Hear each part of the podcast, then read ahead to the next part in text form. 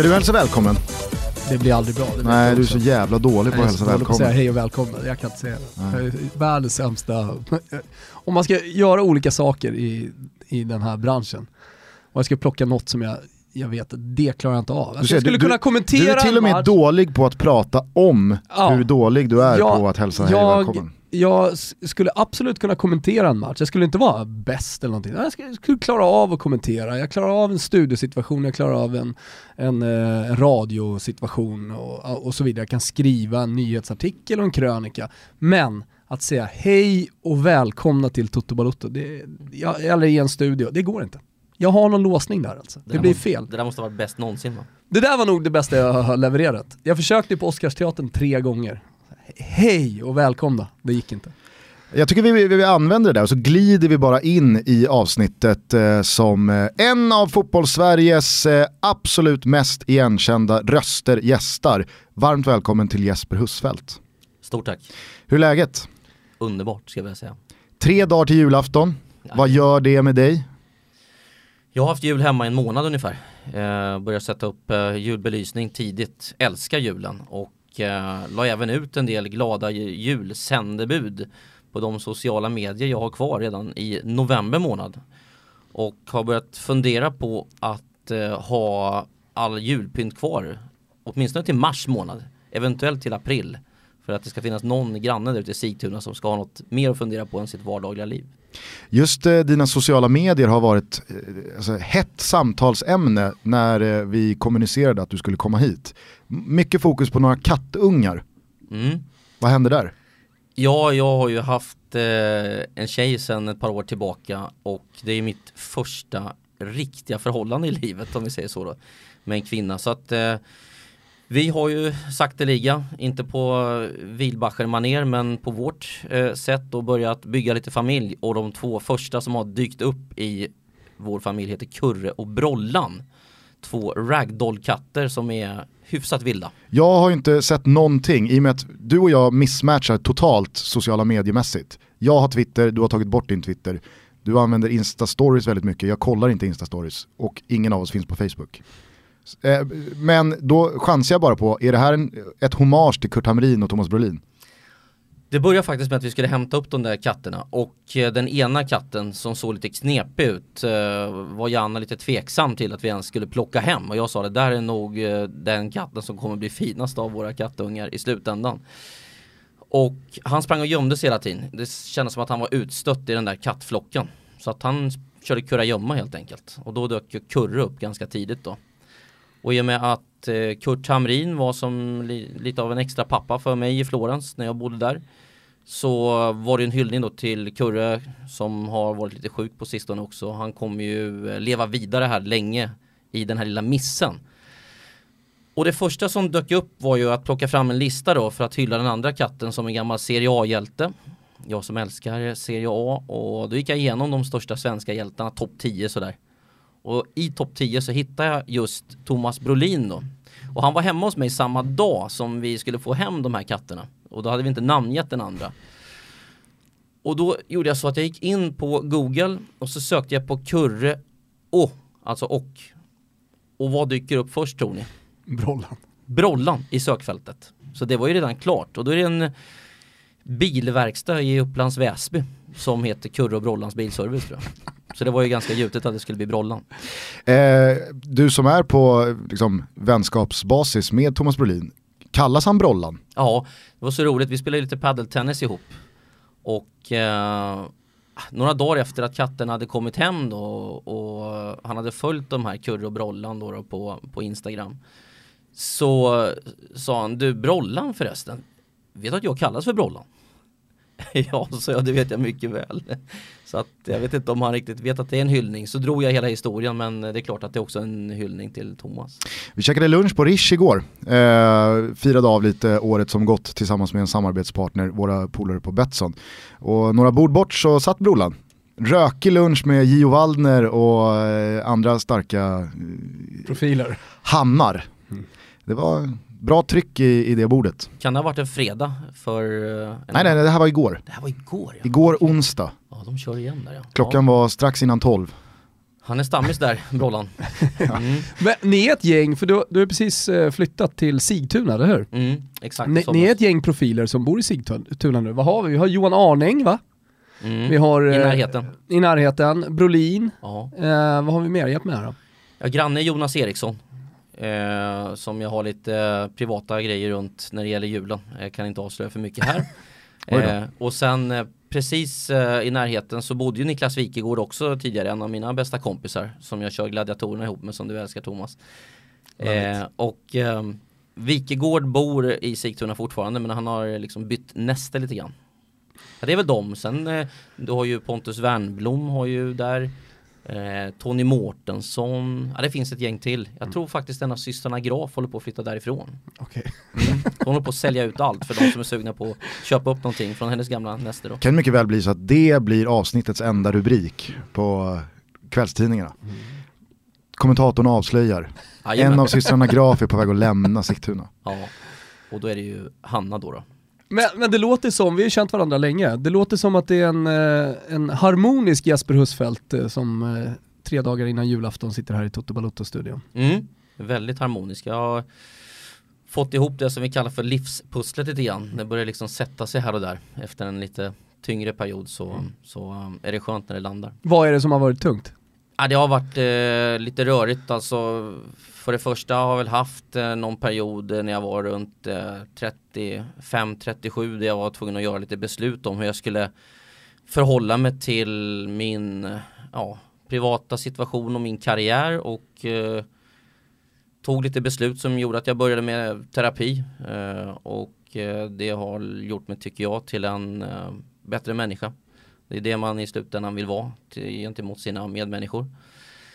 Och sen så för ett par år sedan så blev jag av med mycket fotbollsrättigheter. Och det ledde till att eh, jag under mer än ett halvår gick med väldigt få uppdrag. Och när man inte har någon inkomst samtidigt som jag sålde min lägenhet i, i Sverige.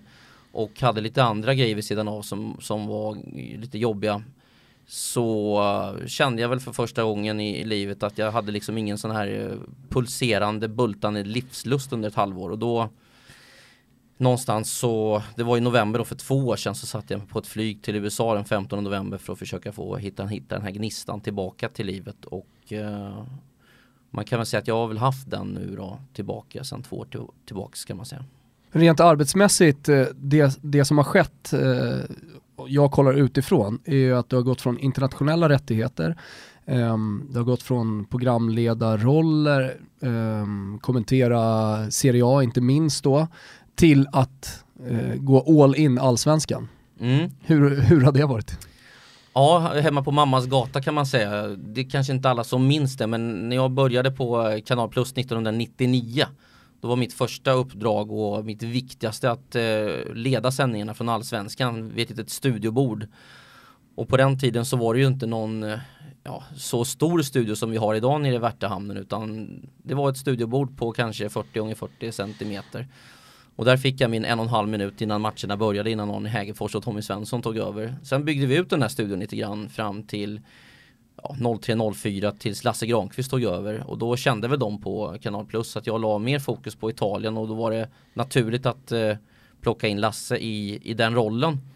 Eh, men Allsvenskan var ju så att säga min serie från 99 till 07 som jag jobbade med parallellt eh, samtidigt då som Serie A som jag brann så mycket för och som jag kände ingen riktigt tog tag i då på våran kanal och, och det behövdes någon i den rollen så att eh, det, det följs också naturligt att det blev så mycket Serie A för mig den perioden.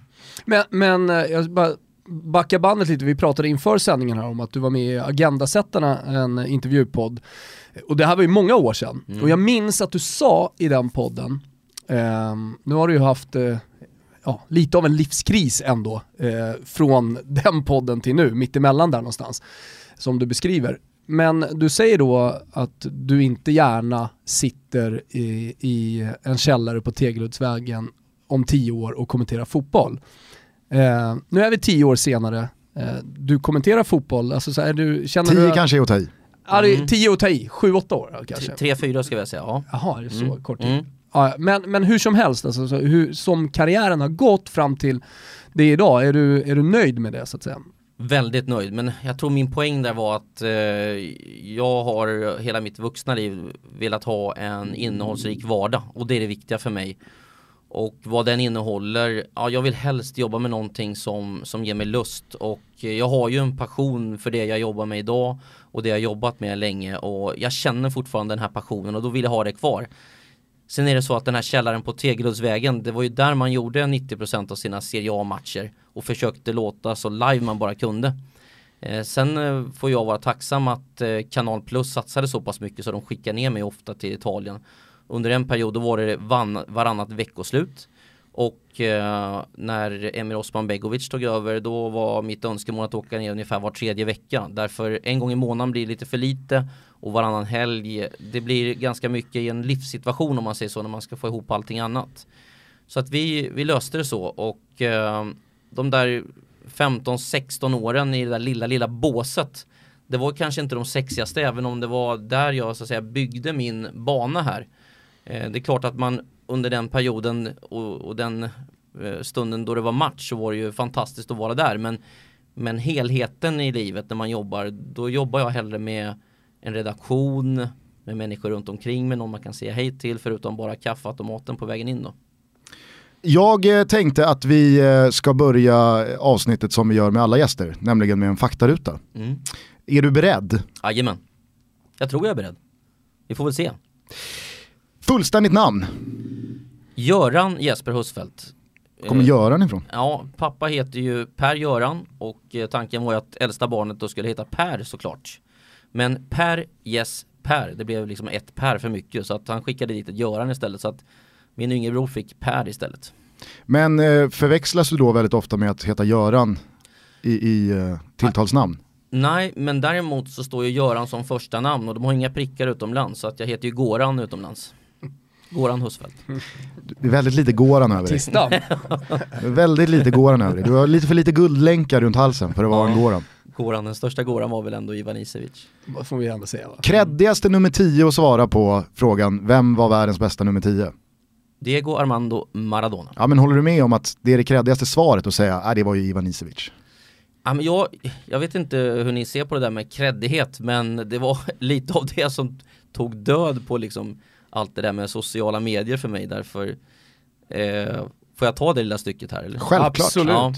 Nej men eh, jag tror lite grann att det vi jobbar i och sådär eh, när, när man själv upptäcker att folk tycker att man är cool för att man har en, en viss kunskap eh, fick mig att rygga lite grann från, från Twitter och, och även andra sociala medier för att eh, jag jobbar egentligen bara med min egen passion. Jag tycker det är helt fantastiskt att träffa likasinnade människor.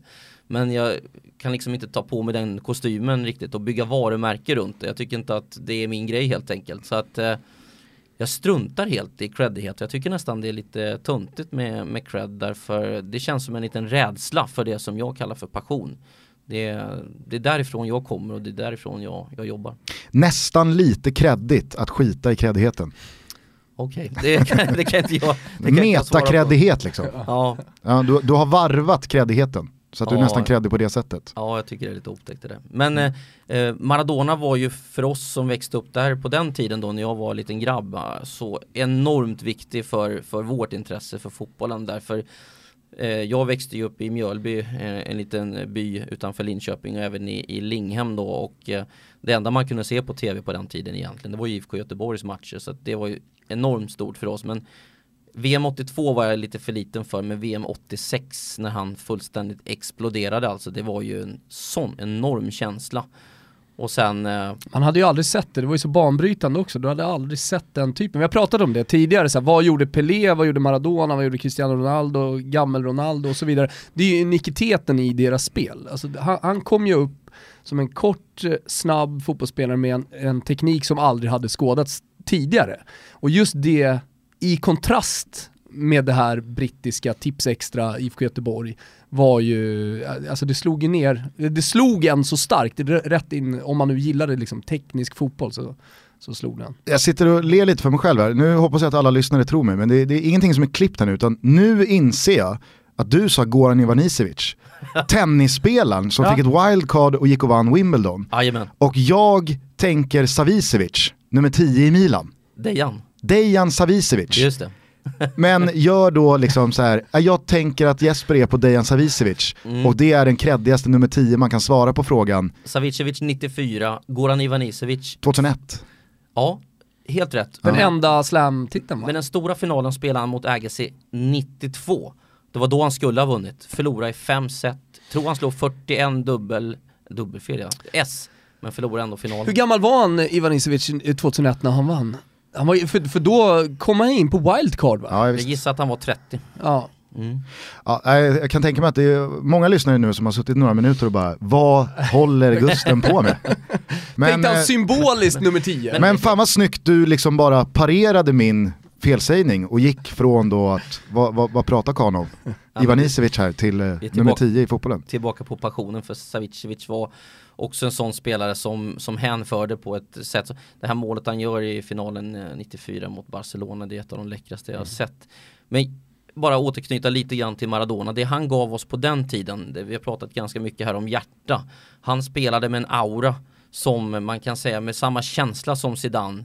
Men som du var inne på med det här brittiska hjärtat plus att han tog med sig hela laget på sina axlar. Och eh, jag ser ingen annan fotbollsspelare på den nivån som har gjort det. Vi har sett liksom Francesco Totti i Rom, vi har sett Steven Gerrard i Liverpool, men det här är ju liksom ett par nivåer till när det gäller briljans då på fotbollsplanen.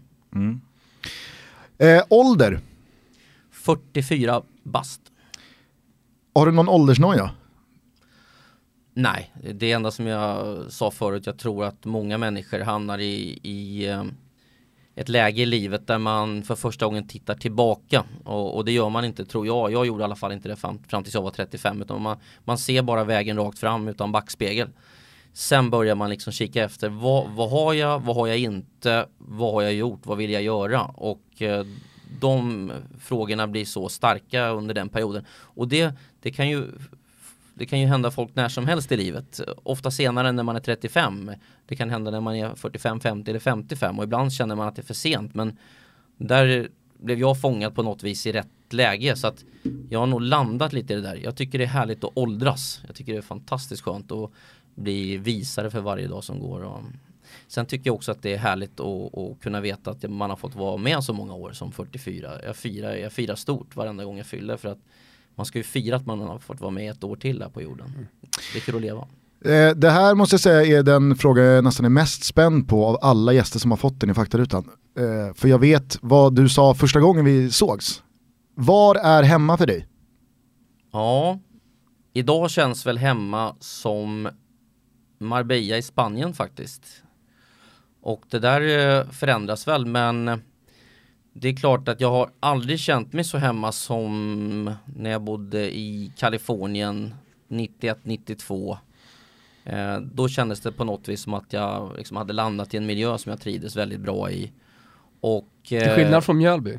Ja, men alltså man ska inte säga att det ena är rätt eller fel, men eh, Ja men en stor kontrast, alltså komma från Mjölby till Kalifornien menar jag. väldigt stor kontrast. Eh, Just då bodde jag i Linghem när jag, när jag hamnade i Kalifornien, men det, det var en mentalitet som jag inte hade fått vara med om tidigare, där, jag fick känna att liksom allting var möjligt och man kunde prata på en helt annan nivå med människor runt omkring. Och, Många glädjefyllda stunder som jag liksom aldrig hade varit med om tidigare. Så um, jag bodde, det var i San Diego jag bodde den perioden. Så där jag alltid känt att det, det är lite hem för mig. Men idag eh, känner jag mig nog mer hemma i Marbella. Och eh, idag, i och med att jag har min tjej då i Sigtuna så är det min plan B då kan man säga. Plan B. Ja, nej men för att jag, jag, jag vet inte om du kommer ihåg det, men första gången vi sågs ordentligt hemma hos dig så kom vi ganska snabbt in på att du hade en femårsplan. Det här var 2014, eh, under brinnande fotbolls-VM. Och då sa du, ah, men, eh, min, om fem år så har jag liksom, då, då är jag klar med den här branschen och då eh, ska jag flytta hem. Och då sa jag, eh, Linköping någonstans. Och då sa du, nej nej för fan, Kalifornien. Mm. Och så känner jag bara, va? Mm. Och sen kom min tjej in i bilden. Ja exakt. Så att jag, jag tänkte så här, är fortfarande Kalifornien hemma? För jag, hade ju, alltså så här, jag har ju vuxit upp med dig eh, genom tv-rutan och det har varit Italien och det har ju varit, herregud, väldigt mycket Stockholm och Sverige. Eh, jag hade aldrig liksom så här, Kalifornien på Jesper Husfeldt. Men det var så här, äh, det, då flyttar jag hem om fem år. Ja, det, det var tanken också för fem år sedan och det är inte helt, helt nedlagt och jag håller på att deala där hemma. lite grann just för Kalifornien. Vi har varit över där och, och kikat läget lite grann.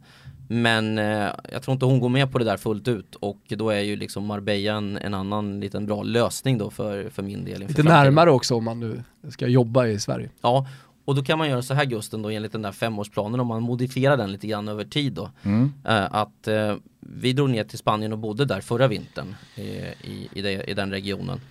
Och eh, om ett par år så kanske vi kan göra det igen då. Hon sitter på en anställning idag så vi kommer inte iväg den här vintern. Men, men det är klart att kan man bo där nere kanske några veckor per år eller några månader eh, och så kanske man kan expandera det där över tid. Till slut så um, har man sin plats där nere. Det, det var tanken. Ja. ja, du har ju ett och ett halvt år på dig. tack, sen, får vi se, sen får vi se vart du, Kan- vart du, vart kan- du hamnade. Kan jag inte få två? Nej, jag är väldigt anal när det kommer till femårsplaner. Eh, vilka språk behärskar du? Ja, svenska pratar jag ju bra. Eh, engelska nästan komplett då. Eh, italienska 50-50. Jag klarar mig liksom i vardags. Du klarar bra. eh, italienskan, ja det var snällt. Eh, Thomas har ju liksom det här breda ordförrådet och, och, och kan läsa tidningarna och klarar sig fantastiskt bra där nere. Thomas kan ju också slå av och på dialekter. Ja, Han är väldigt noga med att påtala, speciellt efter tre fyra öl. ja, Jag kan alltså det. prata tre olika typer av italienska. Ja, men efter tre fyra öl då pratar man napolitanska, är det inte så? Eller så. romerska kanske. Ja, eller Fiorentino med Ja. mycket H. Ja. Mm. Eh, nej men eh, jag klarar mig bra i Italien men när det blir liksom svå- svåra diskussioner då är jag borta. Men i vardagsspråket eh, språket så klarar jag mig bra. Spanskan då, hur har den tagit sig i Marbella? Jag har, pl- jag har pluggat den nere i Marbella eh, så gott jag kan. Jag använder itali- italienskan mer där nere. Men vi har sagt att vi ska liksom eh, jobba på den stenhårt och eh, det blir lite komplicerat för de ligger så nära varandra så man, man glider in på det andra språket lite.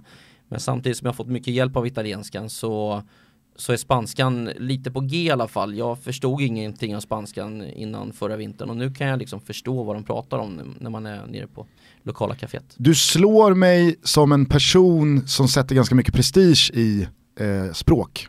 Ja, vi är nog inne på eh, creddighet där igen och prestige och sådär. Det, det finns inte. Jag, däremot, Nej men eh, kan, Ja. okej, prestige kanske är fel Mm. ord då. Eh, jag, jag menar att om du ser en framtid i Spanien eller i Marbella mer eller mindre eh, månader per år så känns det som att du är en människa som tycker att det är viktigt att också ta till sig språket och behärska det. Att det finns en respekt gentemot det området Ja, att göra det. Ja men det är ju absolut så. Eh, I alla länder man kommer till tycker jag. Eh, inklusive vårt eget. Det är klart. För jag tycker det är precis som du säger. Det är ju en respekt. Men det är klart. Du kommer också så mycket närmre folket där nere. För att mm, vill man bo där då vill man inte bara tillhöra en svensk community. Utan man vill leva på på det spanska sättet och, och man kommer ju in eh, i deras samhälle på ett helt annat sätt. Så att jag önskar lite grann ibland att jag var liksom starkare och drivkraftigare och, och, och jobba med språk mer. Ja, men det är som du säger, alltså sen jag, jag, jag hade många vänner som frågade vad fan jag höll på med. Många som pluggade till akademiska yrken, alltså allt från läkare till ingenjörer och, och så vidare och undrade vad fan jag höll på med nere i Italien. Gick och lappa Eh, bar- bilar. Ja men eh, du vet, hankade mig fram med något extra jobb och pluggade språk. Eh, Du säsongade det- väl även som gigolo ett år i Australien? Ja, lite grann. I Perth. Ja, I Perth, exakt. Nej men och eh, liksom, jag kunde inte riktigt förklara där och då hur viktigt det var för mig. Och, och varför, i och med att allting när man är 25 år handlar om vad ska du bli? Vad, vad ska du göra av det här? Vad är ditt yrke? Eh, men det finns ju ingenting som har gett mig så mycket som att lära mig språk. Eh, det öppnar mycket dörrar, du kommer närmare befolkningen, men, men ännu mer nästan, Eh, jag vet inte, det, det är svårt att förklara, men, men att helt plötsligt så blir ett helt land, blir också ditt land. Mm. Jag är inte italienare, jag, jag är svensk österrikare, men Italien är mitt land för att jag pratar samma språk som dem. Är du med? Alltså, och det hade aldrig kunnat vara. Hur mycket jag än älskade italiensk mat och, och vin så hade jag aldrig, aldrig kunnat känt det som mitt land innan jag, lärde mig, eh, innan, innan jag lärde mig språket ordentligt. För då först kan du förstå fullt ut kulturen, eh, historien och så vidare. Jag måste flika in det, min eh, morfar har ju eh, österrikiska förgreningar. Ja det är så! så Så du, att, du eh, har Det här är några- första några gången jag procent. hör Thomas kalla sig själv för ett svensk österrikare. Ja, verkligen första gången. Ja. Det lät bra tycker jag. Starkt. Nej, men jag vet att du och jag bråkade ju lite på Twitter för ett och ett halvt år sedan. Eh, Jag kallade dig och Bengt Skött för uttalsfascister. Och jag tänkte att okej okay, nu kommer Husfeldt till podden, det lär säkert bli eh, någon slags namndiskussion men det föregicks av att jag och Thomas satt här igår kväll och pratade om det och sen så blossade det upp till ett eh, nästan bråk alltså. Och då känner jag så här, nej, det, jag, jag, jag pallar inte det. Men jag tror att det tangerar lite det jag försöker säga med att du känns som en människa som att om du ser en framtid i Spanien så tycker jag att det är viktigt också att ta till dig spanskan. Får vi glida in på mm. ämnet som du var inne på med uttal? Absolut. Eh, Hur säger man skirtel? Mm, skirtel. Mm. Mm.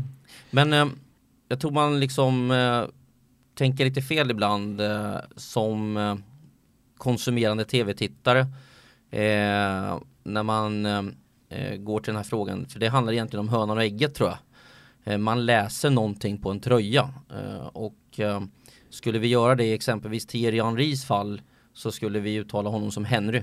Eh, och vi, vi läser någonting på tröjan och sen så, så, så, drar vi en slutsats av vad spelarna heter. Men, men i grund och botten så heter man ju någonting från början och sen försöker man stava ut det. Och, eh, och så finns det en massa symboler på bokstäver som betyder någonting som inte vi förstår ofta i våra länder. Så att Henri heter Henri eller om man är i Frankrike heter han kanske Henri eller någonting sånt där. Och, eh, Var där... sätter man den gränsen? Liksom? Ja precis. Eh, nej men egentligen så, så tror jag att den blir ganska självklar för, för oss i vårt jobb. Uh, att man inte kanske säger Lampard utan man säger Lampard. Men man har alltså samma betoning men man försvenskar kanske inte men man överdriver heller inte liksom brittisk dialekt eller fransk eh, dialektalt utan man försöker komma så nära som möjligt utan att det, det låter larvigt kan man säga. Jag, jag vill på något sätt få det till att det liksom, man följer de språkliga reglerna. Så Wilbacher i Italien heter också Wilbacher, men att man, har, man föds med olika fonetik. Eh, och, och, just den här fonetiken i det som jag, eller som du eh, säger är eh, det dialektala. Mm. Alltså att det blir Lampard eller, eller Henri. Mm. Eh, och det behöver man inte följa till punkt och pricka, eller det går inte att följa till punkt och pricka för vi, har, vi föds med olika fonetiska förutsättningar mm. i olika länder. Ja. Eh, och, och, då blir det bara löjligt. Men problemet tror jag blir då för Gustav, eller jag märkte igår, blev att jo men jag vill ha en tydliga gränser här. Jag, jag säger för mig så är det bara viktigt att jag förstår vem det är. Medan jag säger att det, Men, det finns en, ja. Jag tänkte bara förklara lite grann mm. att i, i vårt jobb då, nu fick ju jag 97 eh, träffa Bengt Grive första gången och eh, han var ju stenhård eh, med att ska du göra det här jobbet då måste du först sätta uttalen, det är nummer ett och så fick vi en eh, en, eh, liksom, en stor folder då med, med hur alla länder uttalade sina namn och, och, regler. Och sen så gick vi igenom alla spelare i hela, då var det ju OS i Nagano 98, det var fotbolls-VM 98 också. Och eh, då följde ju vi liksom eh, vad ska säga, TT-språket kan man säga när det gäller eh, alla länder. Och för mig har det aldrig varit speciellt svårt att förstå så att säga vad han menade. Eh, sen om jag är dålig på att utveckla det här vet jag inte. Men jag tycker att det är en, ganska enkelt när man slår sig ner där att eh, försöka göra det så bra som möjligt utan att låta eh, allt för mycket, eh, ja, som vi säger då, fransk i det här fallet när vi säger Henri då.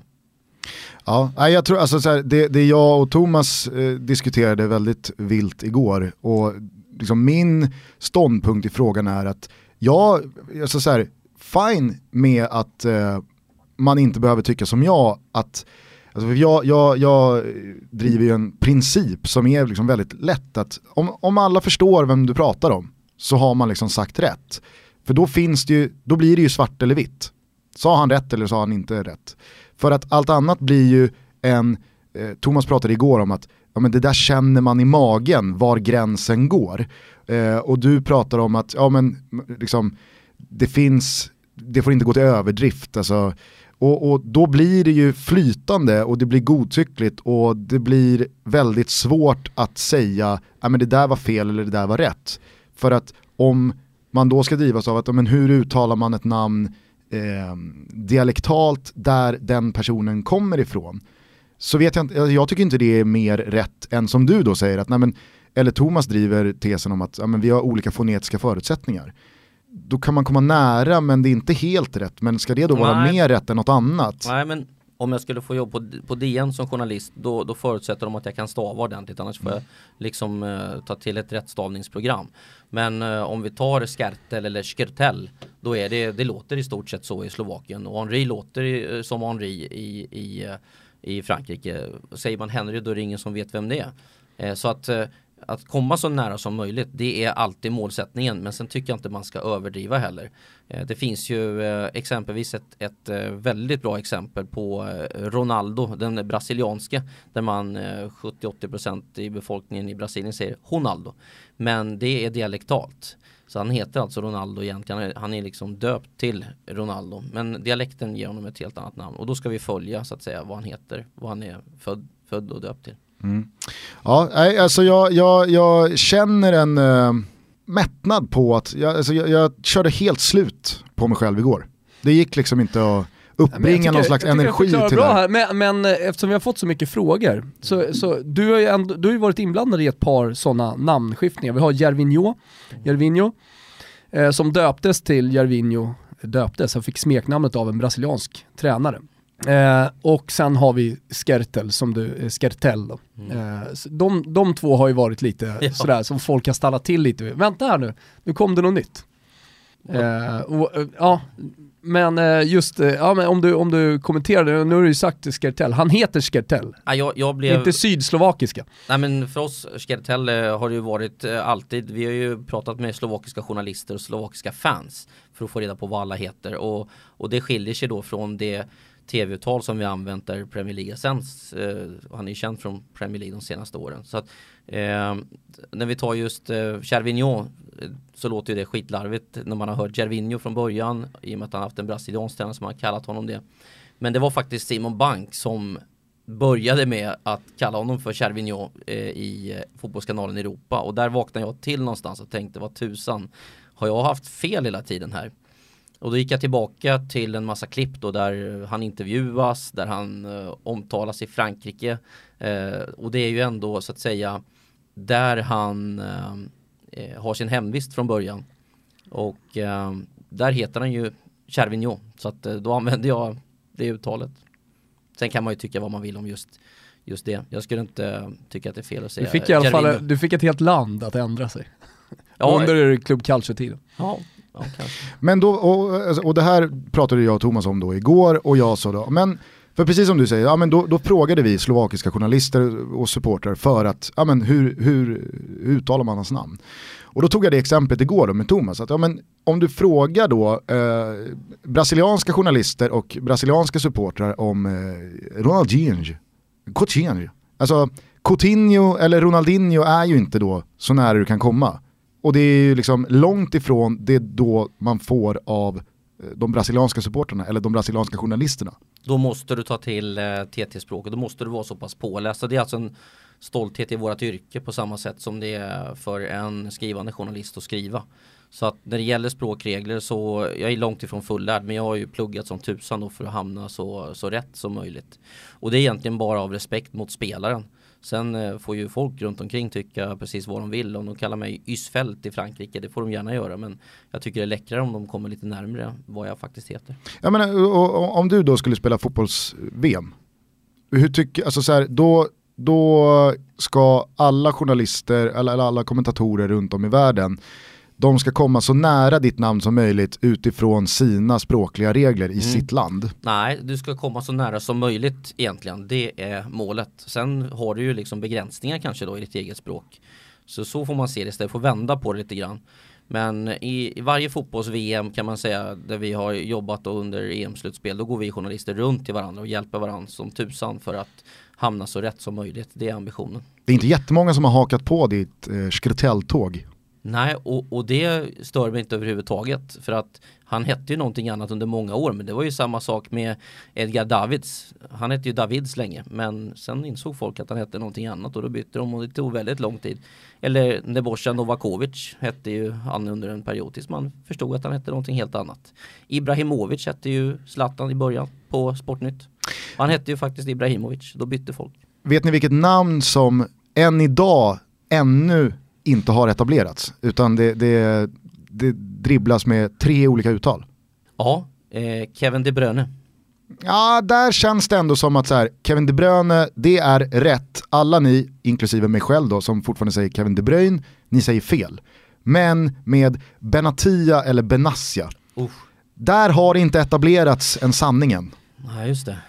Nej, och uh, då ska ni inte fråga mig. alltså, Jag switchar ju själv. ja. Ibland säger jag Benatia, Samma ibland här. säger jag Benassia. Mm. Venezia eh, sa de i Italien och Ja. då gick jag på, på uttalet från italiensk tv. Eh, och sen så eh, blandade jag in logiken i det där och då kändes det bäst. Mm. Vad, vad säger du? Benatia.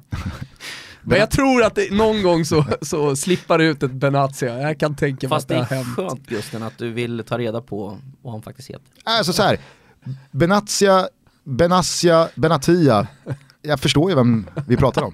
Mm. Men eh, det blir min huvuduppgift att ta reda på det. Ja, Ja, bra. härligt. Det kanske blir en liten julklapp från Jesper Husfeldt till alla. Jag ska jobba in den. Det slutgiltiga uttalet av Benatia. Har det kommit två Slash frågor in? Benassia. Kort, kort eh, Gusten vill jag bara avsluta med att eh, det är ingen i den här branschen som gör det för att, för att skriva någon på näsan eller för att ställa till det för någon utan det handlar bara egentligen om att man, man vill ha rätt, man vill, komma så, så nära det rätta uttalet som möjligt även om, om ett namn har uttalats annorlunda tidigare. Mm. Ja, jag är inte helt övertygad. Eh, jag tror att vi står ganska långt från varandra ändå. Eh, jag, jag ber om ursäkt i alla fall ifall du eller Bengt tog illa vid er av att jag kallade er för uttalsfascister. Nej, jag förstår bara inte dina resonemang. Nej. Men det är helt okej.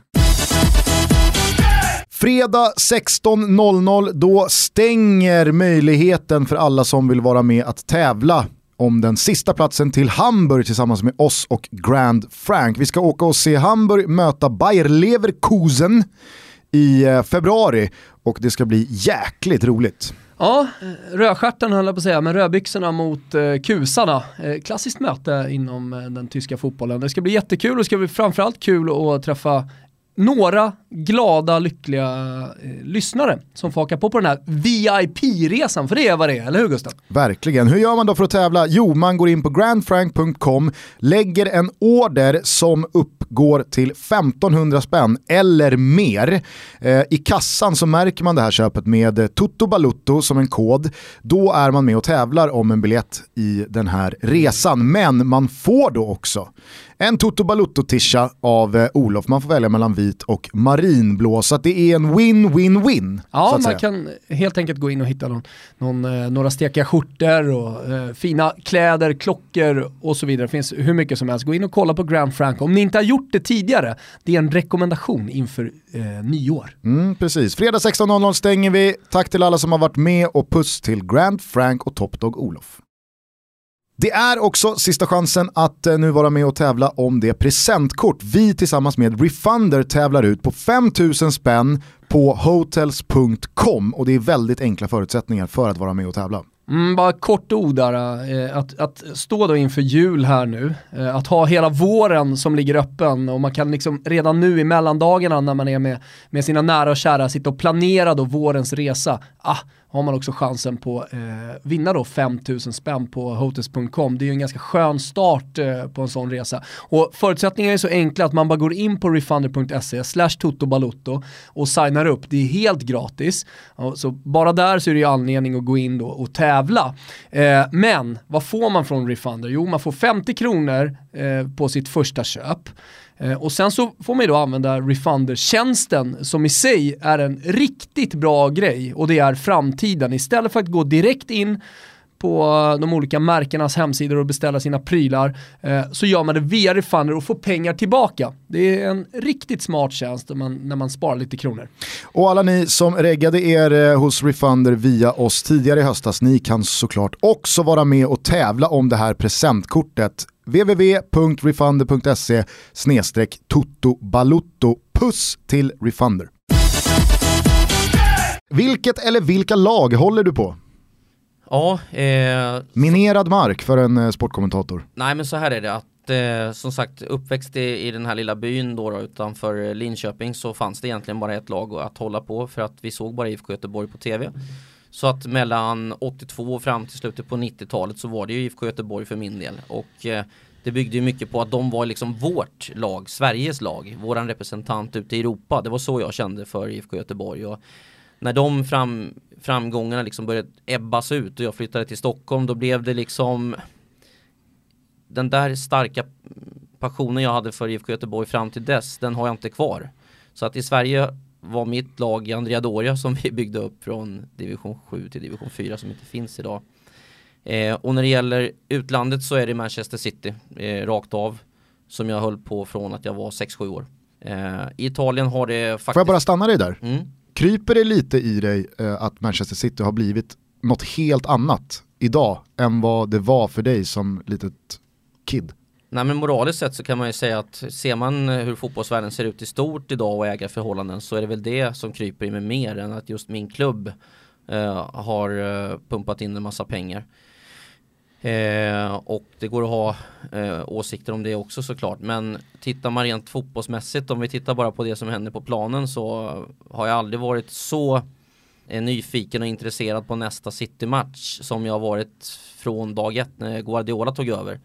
Och jag har länge varit en sån som varit lite missundsam eh, mot Guardiola efter hans period i Barcelona för att även om man har förstått och sett att det där är nog kanske det bästa vi har sett eh, på en fotbollsplan i, i modern tid så, så slog han ju ut eh, våra gäng där ute i Europa och, och det gjorde ju ont och, och framförallt när han hade bollen liksom till 75-80% i varenda match och inte alltid gick till avslut.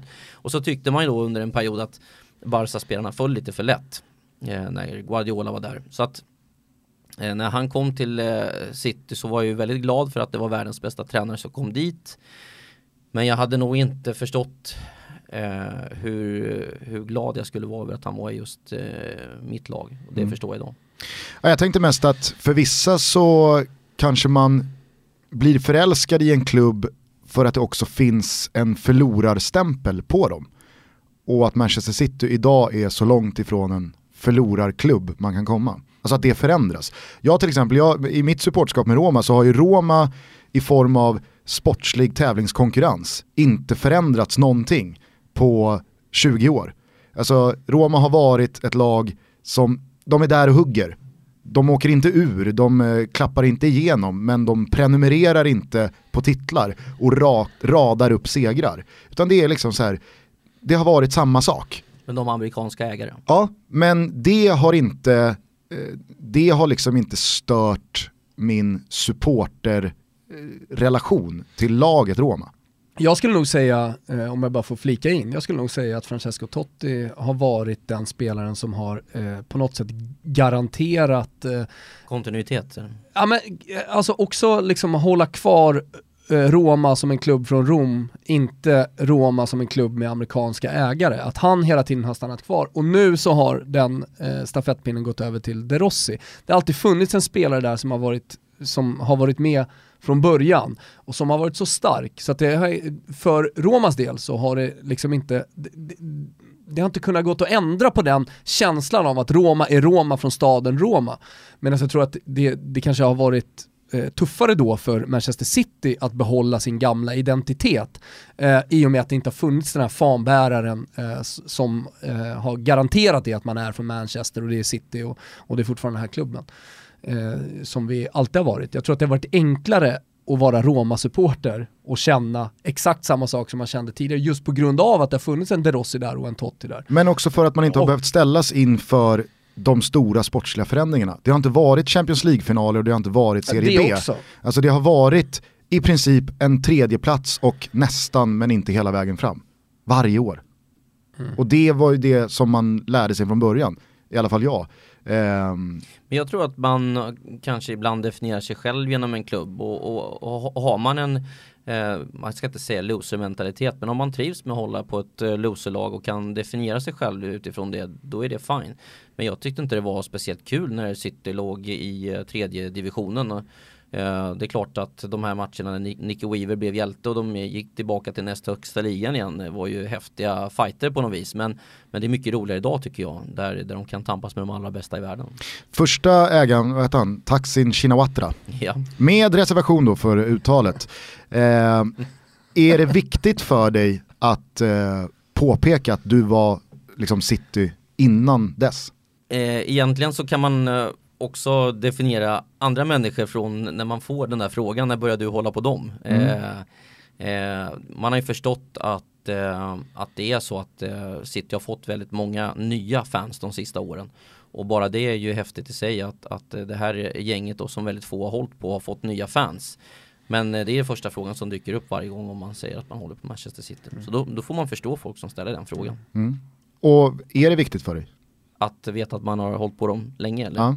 Ja, det, det är så det är bara. Eh, rakt upp och ner. Man har ju sina liksom, minnen av hur City har sett ut eh, år efter år. Och har, jag har haft mina favoritspelare. Jag har haft väldigt, väldigt, väldigt, många spelare som jag har velat bli av med i den där truppen. Och nu är det väldigt få sådana kvar. Vad har du för gamla hjältar? Ja men störst är ju King Clancy såklart eh, som var liksom eh, paketerad i något typ av eh, fattigmans eh, Maradona-fodral och han var ju ljuvlig att skåda som fotbollsspelare. Sen finns det ju hjältar som Sean Goater som gjorde väldigt... Alltså, det är helt sjukt, jag tänkte säga Sean Goater. Det var liksom min gubbe. ja, liksom förlamad underläpp. ja. Den bara hängde. ja men han stod ju för många viktiga mål och han var ju på något vis en sån där spelare som kunde vara kvar år efter år. Eh, Sibierski.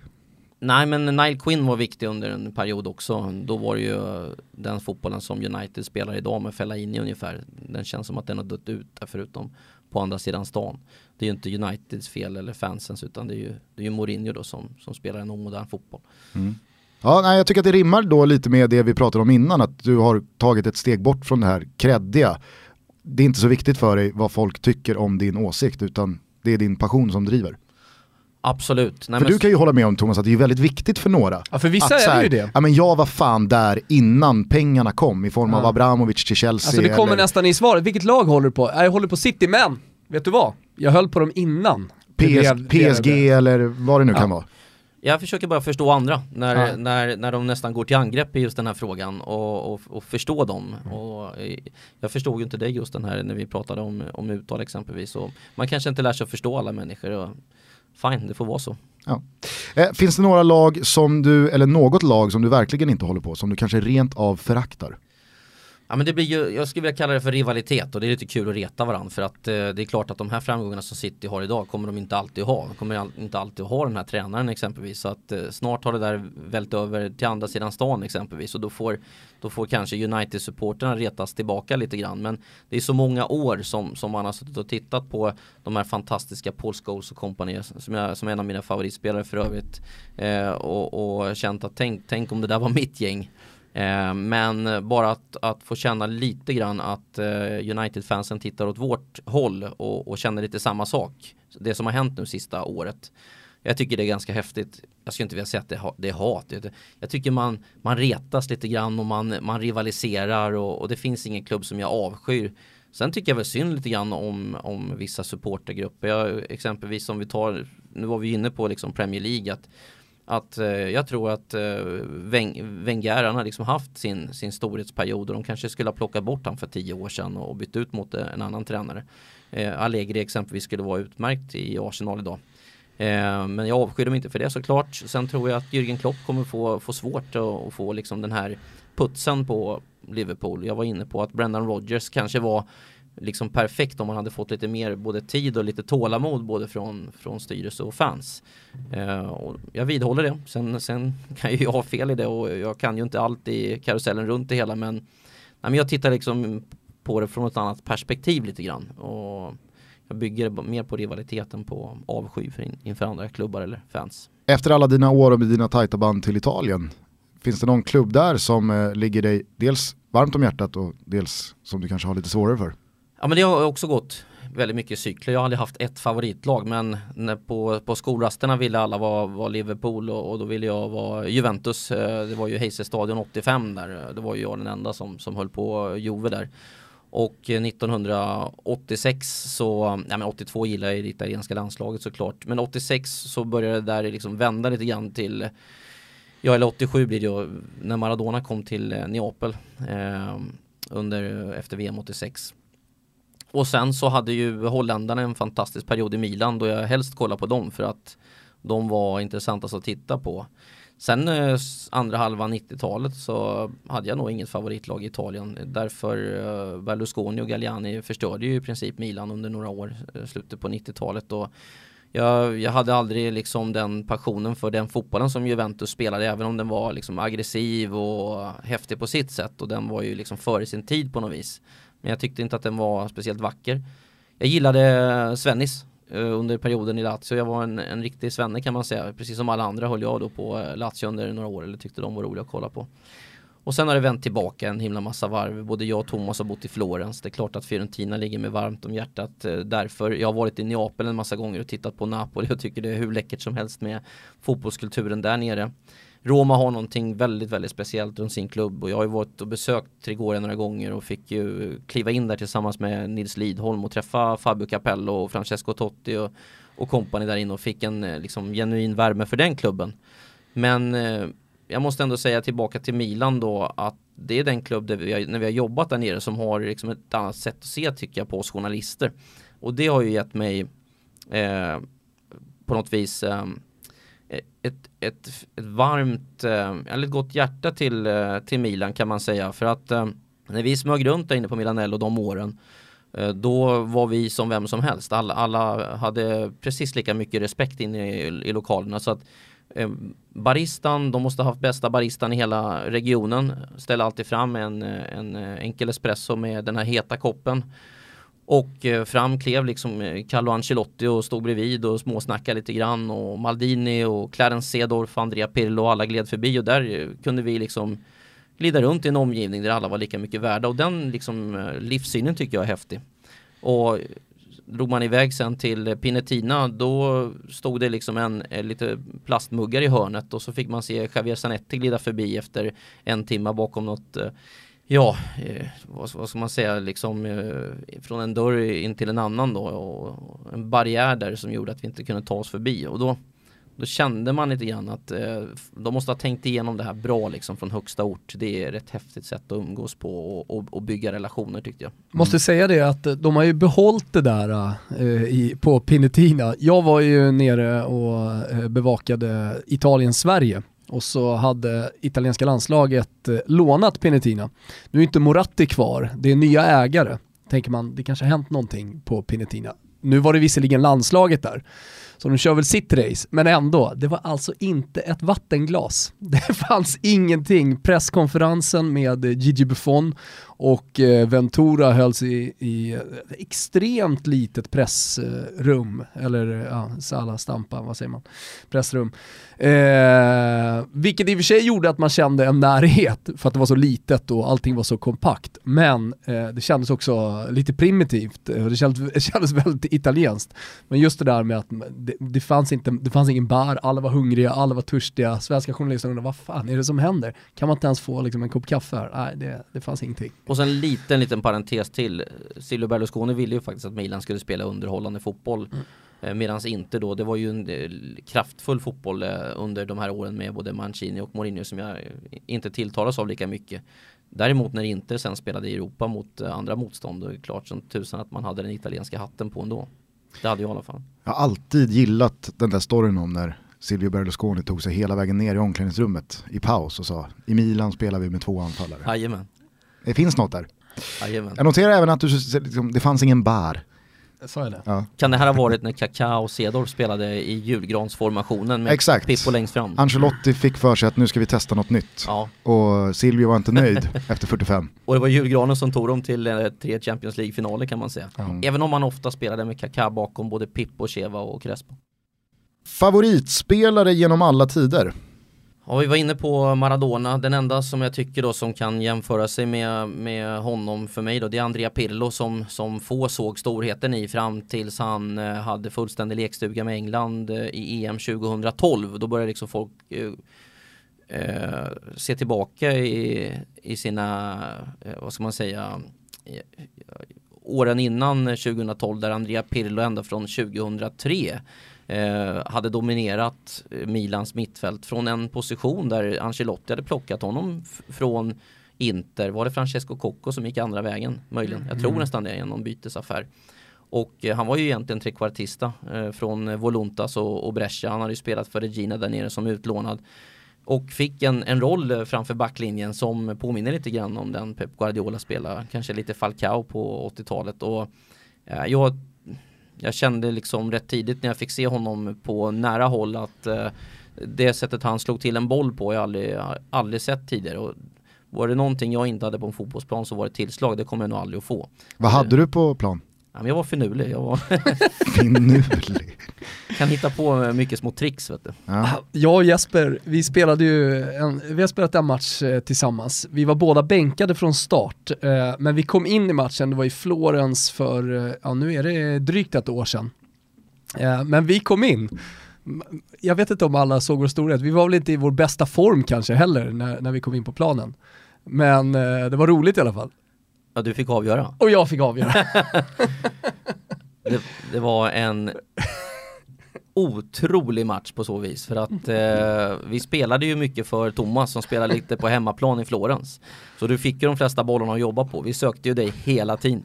Och när du avgjorde så hade väl någon av våra medspelare kunnat skjuta i det läget va? ja, det var öppet mål mer eller mindre. Ja, och släppte till dig som bara fick raka in den där.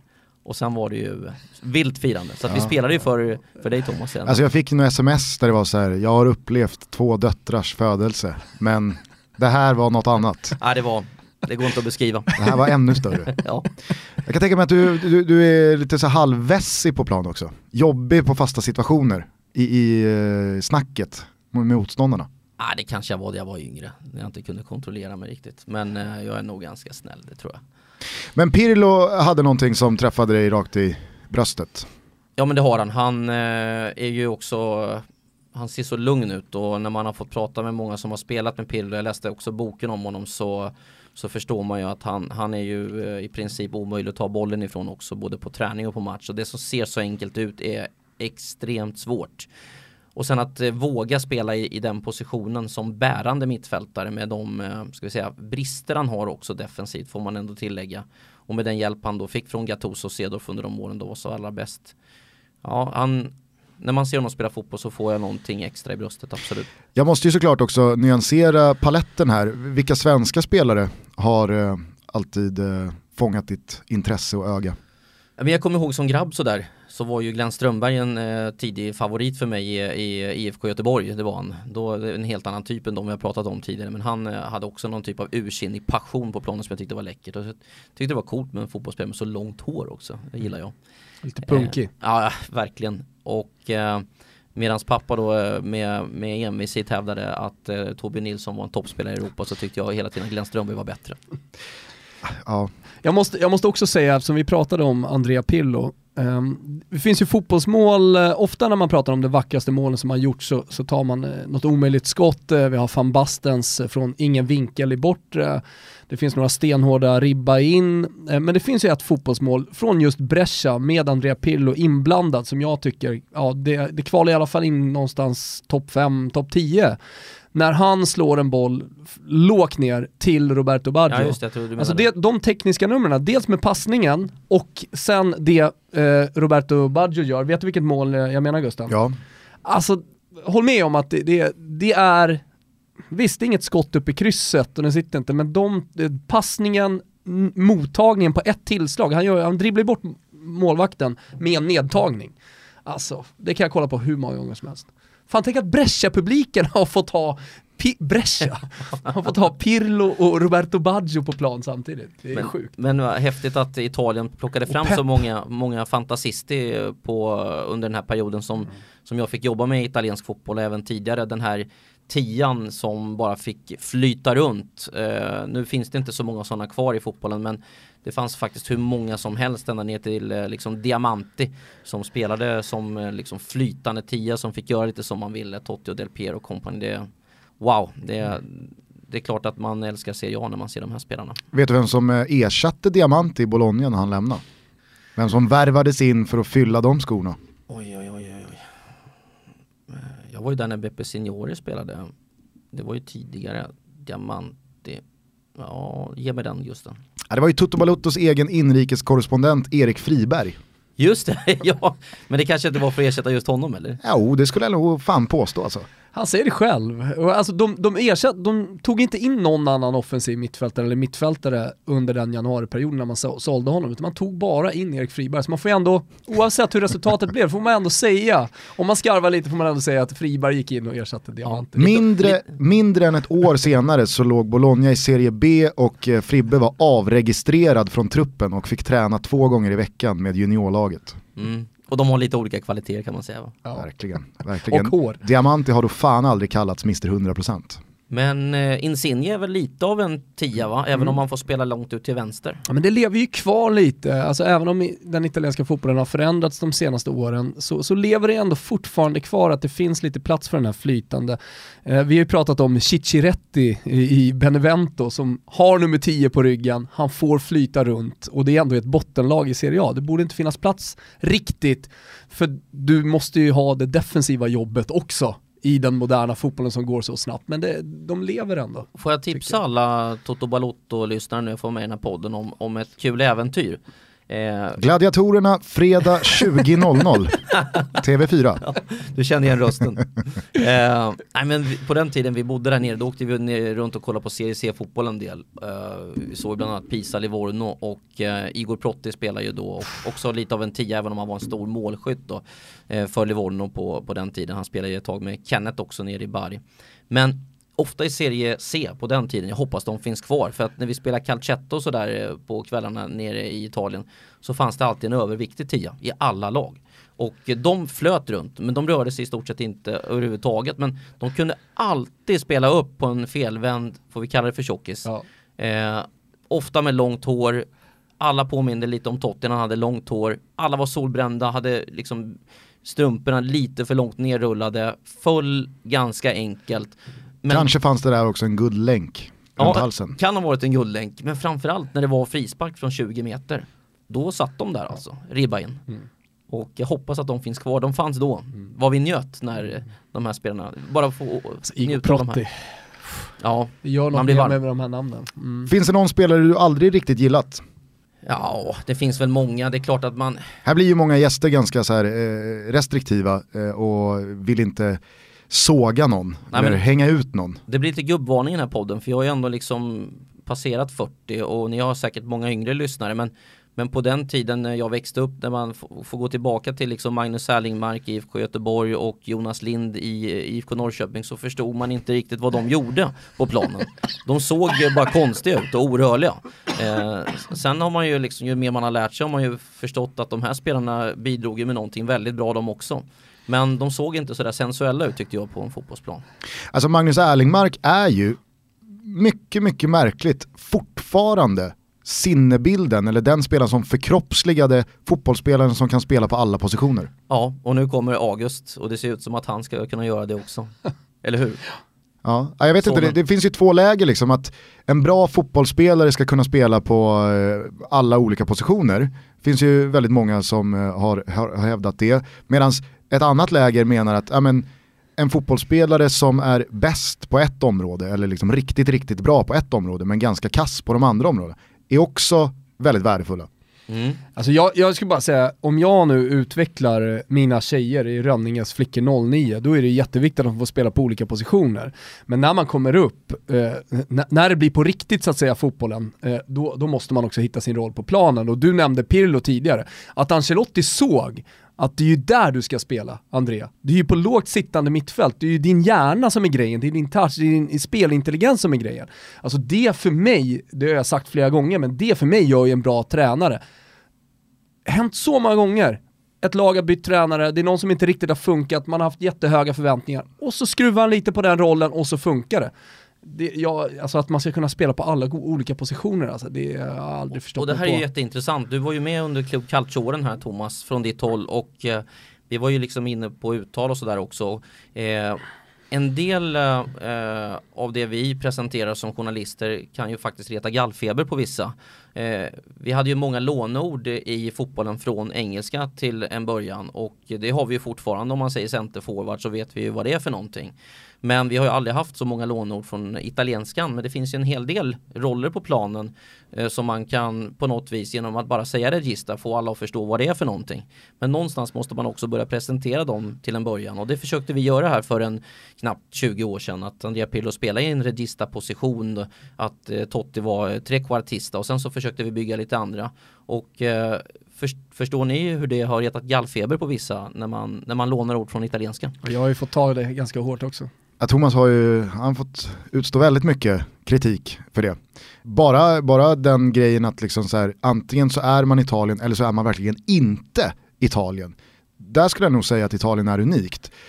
Jag upplever att svenska fotbollsintresserade personer är ganska så likgiltiga inför ifall du gillar England eller inte, Spanien eller inte, Tyskland eller inte, svensk fotboll eller inte. Men just italiensk fotboll är verkligen, alltså det är... Det har retat gallfeber på folk. Och då måste man förklara, det är svart eller vitt hur kan vi då acceptera libero? Ja nu, nu eh, slår, Jesper, ut med, nu slår Jesper ut med armarna här och, och, rycker på axlarna. Det ser inte ni. Men... För det är ett latinskt låneord som vi har haft länge och som alla förstår idag, eller hur? Men det tar tid att sätta libero för att alla ska förstå vad det är för någonting. Mm. Men wingback kan man säga och komma undan med mm. Thomas har ju eh, slagit ett slag för eh, att eh, spelare spelar då på trekvarten. Mm. Ja, men, jag för att försvenska trekvartistarollen. Jag, jag har använt det lite i kröniker på, Expre eh, på Expressen, testat det trekvartsspelare, eller spela på trekvarten, där på trekvarten. Eh, jag, jag, jag använder fortfarande trekvartista, inte i, i, i krönika om det inte är någonting man ska måla upp specifikt, liksom att det ska vara verkligen italienskt sådär. Men, ska du eh, kanske testa att eh, Albin Ekdal sitter där i regissörstolen? Alltså regissör tror jag många har försökt, alltså testat och använt också för en regista. Men det som Jasper säger, Libro, centerforward, wingback, alla vet precis vad det handlar om. Men eh, eh, trekvartista är ju i grunden också en italiensk uppfinning. Vilket gör det, det, det är så perfekt. Säger man trekvartista till någon så fattar man. Mm. Eller hur? Precis som centerforwarden Precis, säkert är exakt. brittisk och, och, och, där har du ju, där har du ju ytterligare en då som jag har försökt, men där har man ju stått på, stött på eh, problemas va, när jag försökte att introducera Metsalan som, som faktiskt inte har något riktigt eh, svenskt ord heller. Och det, det är liksom så här, ja, pratar vi om Albin Ekdal, vart ska han spela på, en på ett mittfält? Han ska inte vara en regista, han ska inte vara, alltså klassisk central mittfältare. Han ska vara Metsala. Mm. Och det, det är, då, då, måste det vara ett tremanna mittfält. Och liksom, säger man bara Metsala man förstår vad det är, då förstår man också att ja, det måste finnas ett tremanna mittfält. Han är född Metsala. Exakt. Nummer sex. Ja, lite så. Men det är också någonting som har växt fram med julgransmodellen, jo, men alltså, alltså att börja spela... Sören Åkerby och Soran Lukic, eh, de, de gjorde det ju faktiskt väldigt bra 2002 när de då presenterade, vad kallade de det, Djurgårdsmanualen. Mm. Att så här spelar Djurgården fotboll och var väldigt öppna med det. Alltså det var nästan som att de gav alla fri insikt i att så här kommer Djurgården spela fotboll. Men vi har så bra spelare så att ni kommer inte kunna göra någonting åt det. Mm. Och då fick ju då, liksom så här, det, det, det kändes som att ett svenskt lag för första gången började applicera den här positionen har det här numret. Jag är ett stort fan ändå av det de gjorde de åren, Djurgården. Det var ju, tycker jag, i svensk fotboll banbrytande och bland det läckraste vi har sett. De hade bra spelare, eh, självklart, men jag tycker även eh, som de tog sig upp från superettan med det de försökte 3-4-3 och då var det ju liksom med Stefan Berlin och Abgar Barsom och kompani och det tror jag folk har glömt bort. Det är duktiga spelare men Kim Källström var inte där då. Eh, det ska man komma ihåg, eller Johan Elmander eller Isaksson. Nej. Utan, Nik Niklas Rask såg ju så ut som en svensk Cafu. alltså Patrik Eriksson Olsson. Jajamän. Marcus Karlsson, Kapten Blod. ja. Nej, men det är ju förlegat idag men de introducerade, alltså de plockade in Inge Johansson, den gamla världsmästaren i tyngdlyftning. Och eh, tog bort all form av bollträning första månaden på försäsongen. Det där spillde ju över hela vägen ner hos oss som då var pojkar 14. Helt plötsligt så var man, det var två månader av brottning och tyngdlyftning. Just den, var det där det sprack eller? alltså, ja, vi kan väl enas om det. Alltså, det, det. det. var ju helt sjukt vilken, alltså, idag pratar man om influencers. Mm. Alltså Djurgården tidigt 2000-tal, vilka influencers de var på svensk fotboll. Mm. Men nu har du fått tillbaka lite av det där i fysen va? Är det inte så? Jag vet inte, jag tycker att det är, idag så är väl den tränargeneration som kommer fram väldigt, väldigt mycket att fysträning går att bedriva med boll. Mm, så är det. Jag tänkte just på dig då, vad gäller din fys. Jaha, ja. Du har ju fått en fråga faktiskt i, i, uh, i vår Twitter-fråga där, uh, vad du tar i bänk. 100 kilo. 100 kilo? Mm, uh, 28 kilo mer än mig. Ja, men det var ett, 72 ett år sedan ungefär. Jag vet inte om jag har maxat över 100, jag vet inte om jag har testat över 100 men jag pressade upp 100 för ett år sedan i alla fall. Det är bra. Ja det är hyfsat. Jag är en ganska liten kille. Landade vi en spelare som du aldrig riktigt gillat? Jag, jag lyfte ett par där men det var ju lite gubbvarning på dem. Men eh, det jag tror Just här, det, Magnus Erlingmark Ja men jag tror så här, för gemene man det är lite svårt att, att, se vad de här spelarna gör som, som springer och täcker upp för andra. Vi har ju lärt oss det lite grann och hylla spelare som Mackele eller exempelvis på äldre dagar. Han kanske är en elegantare form av de här vi beskrev men det var lite svårt och Italien hade ju en himla massa sådana spelare på, på 90-talet. Antonio Conte och kompani som var stöpta lite i, i samma form. Men det tar rätt lång tid innan man förstår hur viktiga de är för ett lag. Engelsk fotbolls Magnus Erlingmark, jag har ett bra förslag. Mm, inte Jordan Henderson. Nej, John O'Shea. Ja, men, men han är nog mer mittback än vad den Erlingmark som jag tänker på för uh, Erlingmark kunde dyka upp på ett centralt mittfält och det kommer inte O'Shea att göra. Säg inte det alltså. Jag tror att John O'Shea hoppade in i, i, i, kassen tre gånger liksom. Ja, glöm, han... glöm inte West Brown.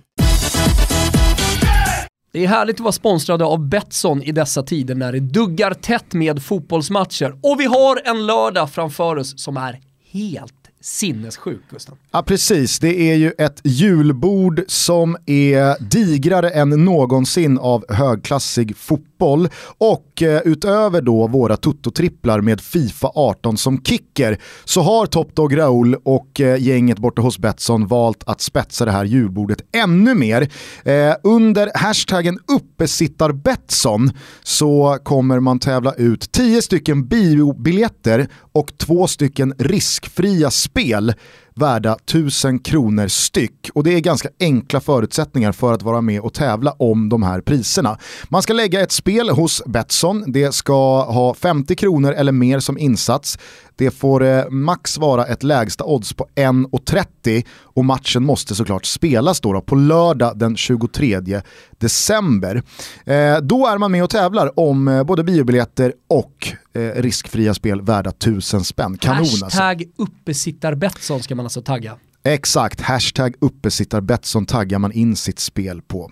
Eh, det ska man såklart göra, men man ska såklart också ifall man vill eh, vinna lite cash, Eh, men framförallt vara med och tävla om Fifa 18 som en kicker eh, använda sig av våra tuttotripplar. De finns under godbitar och boostade odds. Insatsen är som vanligt 148 kronor och ni hashtaggar in ert spel i hashtaggen tuttotrippen. Den här gången väljer jag att faktiskt eh, gå på ett underspel. Det är väldigt sällan jag går på underspelet, men jag tror att El Clasico är så viktigt för Barcelona att inte förlora, att det här kommer bli ett ställningskrig första 45, första timmen. Eh, jag tror att det blir under 3,5 mål i den här matchen. Real måste vinna, Barcelona är ju supernöjda med ett kryss. Så att jag skulle inte bli förvånad ifall det står 0-0 i paus. Okay. Mm. Eh, jag tror att Manchester City bara gör slarvsylta av Bournemouth och vinner med tre mål eller mer. Kevin De Bruyne, toppslag, Kun Agüero, Gabriel Jesus är där, Sterling, alltså Sané. Det, det, det, kan, det kan bli fem olika målskyttar i City den här matchen. Eh, jag tror att eh, City vinner alltså med minst tre. Och sen så avslutar jag i Leeds, vi ska ju dit tillsammans med Betsson.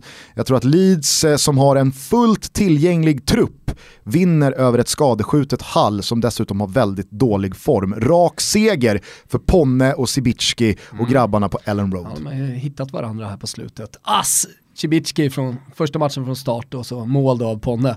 Man hade ju kunnat tänka sig att det kanske var omvänt. Eh, eh Inter vinner bara, vet du det eller? Ja, ja, de möter Sassuolo borta. Alltså, de, de, Sassuolo kommer ju få betala för äh, Udinese-förlusten. Ja, ja, ja, verkligen. Alltså, så Inter vinner ju bara borta. Det, ja, jag är så säker på det. Rak seger. Ja, rak seger. Real Madrid vinner ju också Barca. Jag är helt säker på det. det, det nu, nu växlar Real Madrid upp. Men det blir en målsnål seger. Slutligen då Gusten, jag vänder mig mot eh, den stora matchen i Italien när eh, alla sitter och väntar in julafton. På kvällen så är det Juve-Roma. Och eh, där hoppas jag att ni känner till att det kommer bli sån jäkla fart i den matchen. Det är två härliga lag, Dybala ska komma in återigen som någon falsk nia. Ja, det är mycket spännande grejer som, eh, som den matchen kommer innehålla, mycket prestige, det är eh, en rivalitet som går så långt tillbaka. Eh, alltså jag bara vet att det här kommer bli en, en sprakande match, jag spelar över 2,5. Mm, härligt då. Eh, Fifa 18 som kicker och så påminner vi återigen då om uppesittar Betsson där det ligger biobiljetter och riskfria spel i potten. 50 spänn ska spelet eh, kosta minst, oddset ska vara 1,30 minst och matchen måste spelas, eller matcherna ja. måste spelas då lördag den 23 december. In på Twitter och hashtagga in ert spel, uppesittar Betsson. Tack så mycket! Intressen utanför fotboll? Just nu då så är det ju paddeltennis som jag ägnar mig väldigt mycket åt. Uh, och uh, igår så lanserade vi en nyhet där vi har tagit World Padel Tour till Sverige. Det kommer spelas i Båstad nästa sommar. Och jag har sent kommit in i projektet, inte så sent men dock. Uh, och en av initiativtagarna så att vi får se världsstjärnorna i, i Sverige i sommar. Och vi har varit klara med förhandlingar i Madrid då, i helgen, satt på några möten där nere.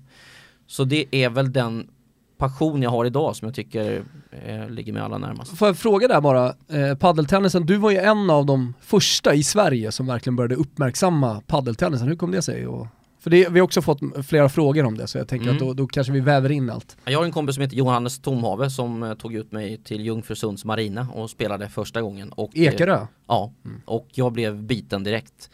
Och Jungfrusunds Marina var ju pionjärer i 08-distriktet. Sen var jag med och hjälpte Salk då och öppna sin första utomhusbana. Initiativtagare till en början och låg på där. Sen var det de själva som drev igenom det hela i slutändan. Men eh, det här dök ju upp i Skåne till en början och eh, det här är ju faktiskt en mexikansk uppfinning till en början som eh, slog rot i Spanien, framförallt runt Marbella. På Marbella Club gjordes den första banan i, i Europa. Och eh, därifrån var det många racketfantaster som började spela paddel och det finns ju mycket pengar i den regionen så att, och många eh, kända människor så att det här blev en sport där många kändisar eh, tidigt ville liksom satsa på eh, padel. paddel och därifrån eh, exploderade i Spanien. Idag finns det väl eh, 4-5 miljoner utövare och den eh, konkurrerar med fotboll som största utövarsporten. Och den spreds till Argentina och det är Argentina som har de bästa spelarna idag. Sen tog det då fram till de här senaste åren innan det har fullständigt tagit fart i resten av Europa. Och eh, för bara några år sedan så fanns det fem banor i Sverige och idag börjar vi närma oss 250 Nej, men Jag läste precis nyligen en nyhet i den lokala tidningen i, i Rönninge. Eh, att i Tumba ska de minsann få då, jag tror det är två eller tre paddelbanor när de bygger om sin, ja för det är ju kopplat till tennisen och nu ska vi bygga om nya tennisbanorna. Då måste man nästan ha paddel. Och jag märkte också, idag så var jag och köpte, nu lyssnar jag inte ställa på den här podden, det är bra, men jag, jag köpte en handboll och en fotboll till henne på Stadium. Och då gick jag förbi en egen hörna med paddelprylar, paddelrack för uppåt 2 500 kronor och, det, och då fanns det då klassiska, det lite billiga racket för 599 och, och alltså det, det är som du säger, helt plötsligt så finns paddel överallt. Ja vi måste komma dit där det blir liksom lika billigt som det är i Madrid och, och glida ner, ta ett låneracket och sen spela för, för 10 euro som man kan betala då. för en bana där nere. Ja, vi är ju på väg dit hoppas jag så att vi kan liksom engagera alla. Men eh, jag som är tennisfantast i grunden då, jag är ju gammal tennisspelare själv och drömde om att bli duktig i tennis. Eh, jag tycker att paddeltennis slår eh, tennis som jag tycker är en... Vad är det den har då? För alla ofrälsta eller alla som inte har testat den ska jag säga. Den är ganska lätt. Eh, den är lätt för barn, den är lätt för, eh, för pensionärer att utöva och eh, man är fyra stycken, man spelar i lag två mot två. Det skapar en Alltid? typ av... Ja. Och det skapar en, att i 99% av fallen spelar man två mot två. Men eh, det skapar en liksom, teamkänsla, man måste lösa saker tillsammans och eh, den handlar mer om att eh, lista ut så att säga hur man kan manövrera ut motståndaren lite som i schack. Mer än att slå ut en motståndare. För att, eh, jag menar, hur många har inte glidit ner liksom när det har blivit varmt på sommaren med någon polare och ska spela tennis och så blir det liksom en serve och sen en backhand ut. Och så, och så ser det ut sådär i en timme. Eller hur? Känner ni igen er i det där lite grann? Eller? Oh ja. ja. Det, det, det, sämsta som finns tyvärr med tennis, det är att möta någon som är lika bra som en själv. För då blir det precis så som du beskriver. Det bästa som finns, det är att spela mot någon som är bättre än Det är inte så roligt för den som är bättre. Nej. Men för den som är sämre är det roligt, för då får man bolla lite. Då får man över bollen, då får man tillbaka bollen. Exakt. Eh, ja, två frågor är det sant att ingen längre vill spela mot Olof Mellberg för att han är så liksom överjävligt vidrig vinnarskalle i buren? Ja det var hårt uttryckt men eh, det är klart att eh, Mellberg... Jag har öron överallt. Ja. Nej Mellberg, jag tror Olof känner igen det där. Jag tycker ju liksom han är för varje dag som går blir han mer och mer social i sammanhang utanför de här rektanglarna som vi pratar om. Men eh, han har en enorm vinnarskalle och eh, ja, vill uttrycka det, uttrycka det så så säger jag inte emot det. Eh, då, då säger jag också så här, på tal om det här med eh, att det är ganska så kändistätt från början då, även från Marbella. Eh, Jesper Husfeldt, Olof Mellberg, Jonas Björkman, Måns Zelmerlöw och Thomas Brolin.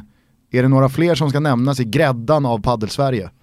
Det är ganska många faktiskt eh, runt omkring. Eh, Peter Gide är ju en som eh, dyker upp och Niklas Gide nere på banorna. Det är väldigt många inom både media, fotbolls och ishockeysvängen. Ni har gamla Christian Huselius som har blivit väldigt, väldigt bra. Han är nästan toppklass i, i Sverige. Ni har ju Thomas Johansson som bor nere i Monte Carlo. Många av de här gamla tennisspelarna. Jan Appel spelar sin eh, padel nere i Singapore numera. Östers eh, sportchef Mattias Concha påstår att han också tillhör någon slags eh, elitskikt. Stämmer det? Jag har inte sett honom spela men eh, det får stå för honom. okay. ja. Låter som en skarv. gamla Micke Hansson där nere spelar ju en del.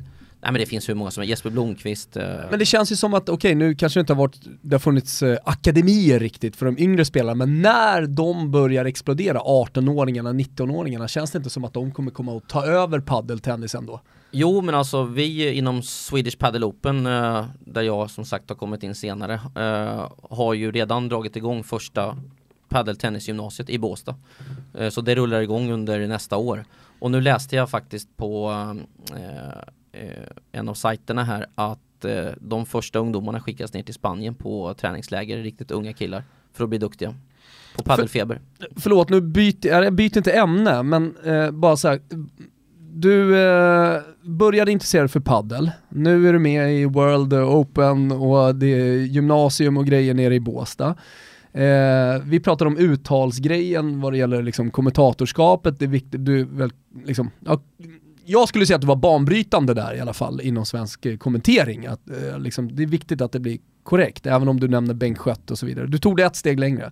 Eh, du startade ditt fotbollslag, det har vi inte varit inne på så mycket på med Andrea Doria och där var det stora ambitioner om att liksom, ja, men typ gå upp i allsvenskan, här ska vi bygga någonting. Det känns inte som att liksom, du går in i ett projekt och sen så är det 70% eller inte ens 95% utan det är 110 rätt in i kaklet. Alltså du, kan, du, kan du göra någonting utan att eh, verkligen passionerat gå in och, och ägna hela liksom, eh, din passion åt det? Ja men du är inne på något intressant. Eh, även om man kanske inte når världstoppen i någonting av det man siktar på så tycker jag så här Gör man någonting så, så bra som möjligt, så bra som man själv kan och, och sen får man hjälp. Jag menar ni, när ni startade Toto Balotto exempelvis eh, och, och, och, ni försöker göra det här så bra som möjligt så märker ni själva vilken genombrottskraft det ger med den passion och med den tid ni lägger ner på det. Och, och får man samma feedback tillbaka i någonting man pysslar med då, då får man ju ännu mer energi. Men jag tror också det bygger lite grann på att man har rätt partners runt sig. Fler som har liksom samma drivkraft. Det är då det blir kul. Jag skulle nog inte orka göra det helt själv. En person utanför fotbollen som du ser upp till av olika anledningar?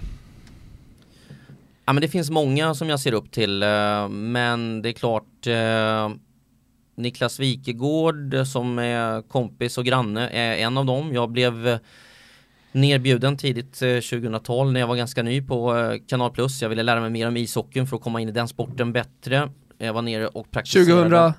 2000? 00 kan det ha varit ja. någonstans i Malmö då där han var med Lillislund och eh, jag kände ju att eh, Nicke var av den av alla de här elitserietränarna var han den intressantaste att komma ner till för att få följa ishockey på nära håll. Och han hjälpte mig där under en vecka ungefär och förstå ishockey bättre. Sen, sen så gav inte jag mig in till 100% på det spåret. Men men eh, han har en karaktär eh, medialt och en helt annan eh, eh, privat. Det är en välvillig herre som precis som vi var inne på går liksom max in i allt och lägger liksom varje vaken timma på någonting som han tror på. Han har ju startat ett gym tillsammans med Jonas Eriksson i Sigtuna som nu fick pris som Sveriges bästa. Eh, han har många kvaliteter men framförallt är det ju en, det är en, bra, det är en bra människa. Och, eh, nu droppar jag Gianluigi Buffon men eh, jag läste den här intervjun med Buffon som, som eh, låg i offside på en, på en sida som var översatt tror jag från en, en italiensk eh, intervju kan jag tänka mig. Där sista frågan var hur vill du bli ihågkommen? Och då eh, säger han någonting i stil med att jag, jag bryr mig inte så mycket om hur jag blir ihågkommen som spelare. Däremot eh, om folk minns mig som en bra människa, då, då är jag nöjd. Och där någonstans, om vi landar i det, att vi kan liksom tänka mer på vilka vi är, eh, mer än vad vi är, då, då har vi alla kommit långt tycker jag. Fint sagt. Din mm. fetaste fotbollsupplevelse? Var det när Thomas petade in den eh, från en och en halv meter i öppen kasse där en sen Florenskväll? Nej, det var nog eh, Väderstad borta tror jag i skolan där i trean eller fyran när jag fick avgörande straffen och eh, tror jag blunda och smällde den där avgörande straffen ribba in. Eh, jag vet inte var målvakten låg överhuvudtaget men eh, den kan till och med ha gått via ryggen och in i mål. Men eh, då blev jag matchhjälte och när man får bli matchhjälte i så ung ålder då tar man med sig det livet ut. Det var stort. Som kommentator då så antar jag att det finns en hel radda av oförglömliga matcher som du har kommenterat på plats. Ja, Finns det några som, som ligger dig, eller som du minns, nu minns du det här, du tar med dig livet ut. Du har ju kommenterat så otroligt mycket matcher, men finns det några matcher sådär som, som du aldrig kommer glömma? Ja men det, det finns några Milano-derbyn, det finns några VM-matcher som, som har varit häftiga. Men sen har man ju också åkt runt och tittat på fotboll. Jag menar när jag satt på pressläktaren och fick se Vincenzo Montella göra fyra mål på Lazio och Totti lobbar över Peruzzi, femte baljan. Det är i och för sig inte så svårt att lobba Nej, över Peruzzi. De har ju skojat mycket om det efteråt.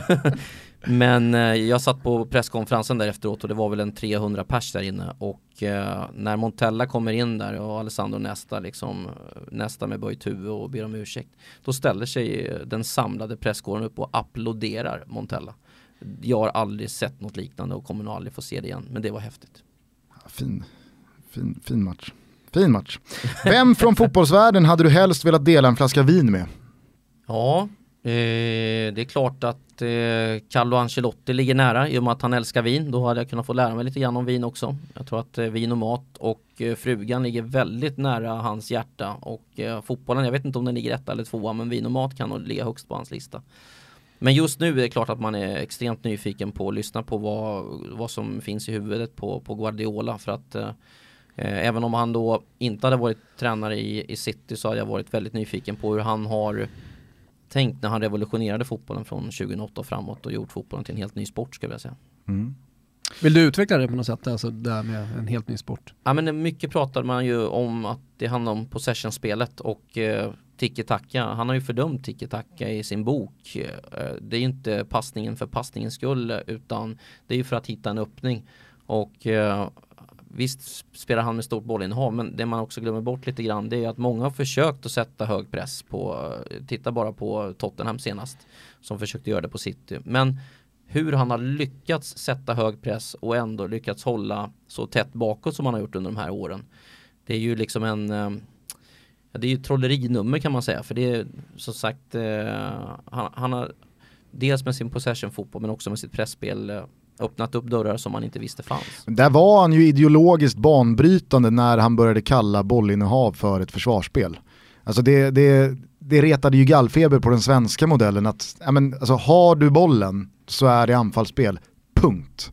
Har du inte bollen så är det försvarsspel, punkt. Och här kommer det någon katalan och säger någonting annat. Vi har ju suttit i våra bänk, vi har ju kört våra overhead-stenciler här hur länge som helst. Så att där var han ju verkligen Alltså, det var nog det första jag minns att han menar ju allvar med att han vill förändra fotbollen. Ja och sen jag tror liksom hela det som hände Zlatan i Barcelona, jag tror liksom det finns fler lager i den historien som inte har berättats lite grann därför jag tror att de hade scoutat honom väldigt väl men att det var någonstans inte bara relationen som sprack utan även i spelsättet. Även om det var så att Messi ville kliva in centralt så har jag förstått nu att inte heller Kun Agüero var en spelare som, som Pep Guardiola eh, höll speciellt högt därför han ville helt enkelt inte ta det här hårda jobbet i försvarsspelet. Och när Lasse Lagerbäck berättade här eh, i eh, Viasat-studion när han har fått eh, besöka en cityträning under Guardiolas ledning och se hur, hur eh, har bedrivit sin sommarträning för att uh, hitta rätt i pressspelet. Då börjar man förstå lite grann hur mycket det krävs av en anfallare som spelar i Guardiolas lag. Och jag skulle vilja säga att det är en helt ny spelare vi ser där idag eh, vad det gäller Aguero. Visst, eh, han gör nästan lika mycket mål men framförallt det han bidrar till på planen i försvarsspel. Det är något helt annat idag. Mm. Och bara för att vi sitter här nu med eh, Italienvurmare flera stycken. Eh, vi måste ju minnas var hans första liksom, tränarinspirationskälla var. Det var ju Brescia med Carlo Mazzone. Så har vi det sagt. Mm. Och han har nämnt det i flera intervjuer ja, också. Ja. Det var Mazzone som fick honom liksom att eh, kanske för första gången tänka att det här vill jag göra. Häftigt. Det, jag, jag, jag, får bara lägga till det också. Jag har faktiskt suttit tillsammans med Ola Wiklander som du också känner. Mittemot eh, Pep Guardiola och gjort en lång intervju faktiskt under den tiden. I ett litet, litet rum i något eh, kyffe i Brescia under den perioden han var där. Enda gången jag känner att Guardiola blev liksom en parodi på sig själv, det var ju när han tog ett sabbatsår. Och det första han gör är att åka och, åka och besöka världsmästaren i schack. Alltså det kändes verkligen så här det är så jävla Pep Guardiola att inte åka på någon liksom, inspirationsresa till ett annat eh, fotbollsland eller någon annan fotbollskultur utan han ska fan åka och träffa schackvärldsmästaren. Han var i New York en rep också va? Ja, mm. det kan också ha varit där han liksom träffade schackvärldsmästaren. Var det för att lära sig språk på tal om vikten av att kunna språk? Mm. Ja, han, lärde, ja, men han åkte väl till New York för att lära sig tyska. Mm. När, alltså, eh, han lärde sig väl tyska eh, så fort han visste att han skulle bli klar för Bayern München. Exakt. Och så höll han första presskonferensen som Bayern München-tränare på flytande tyska.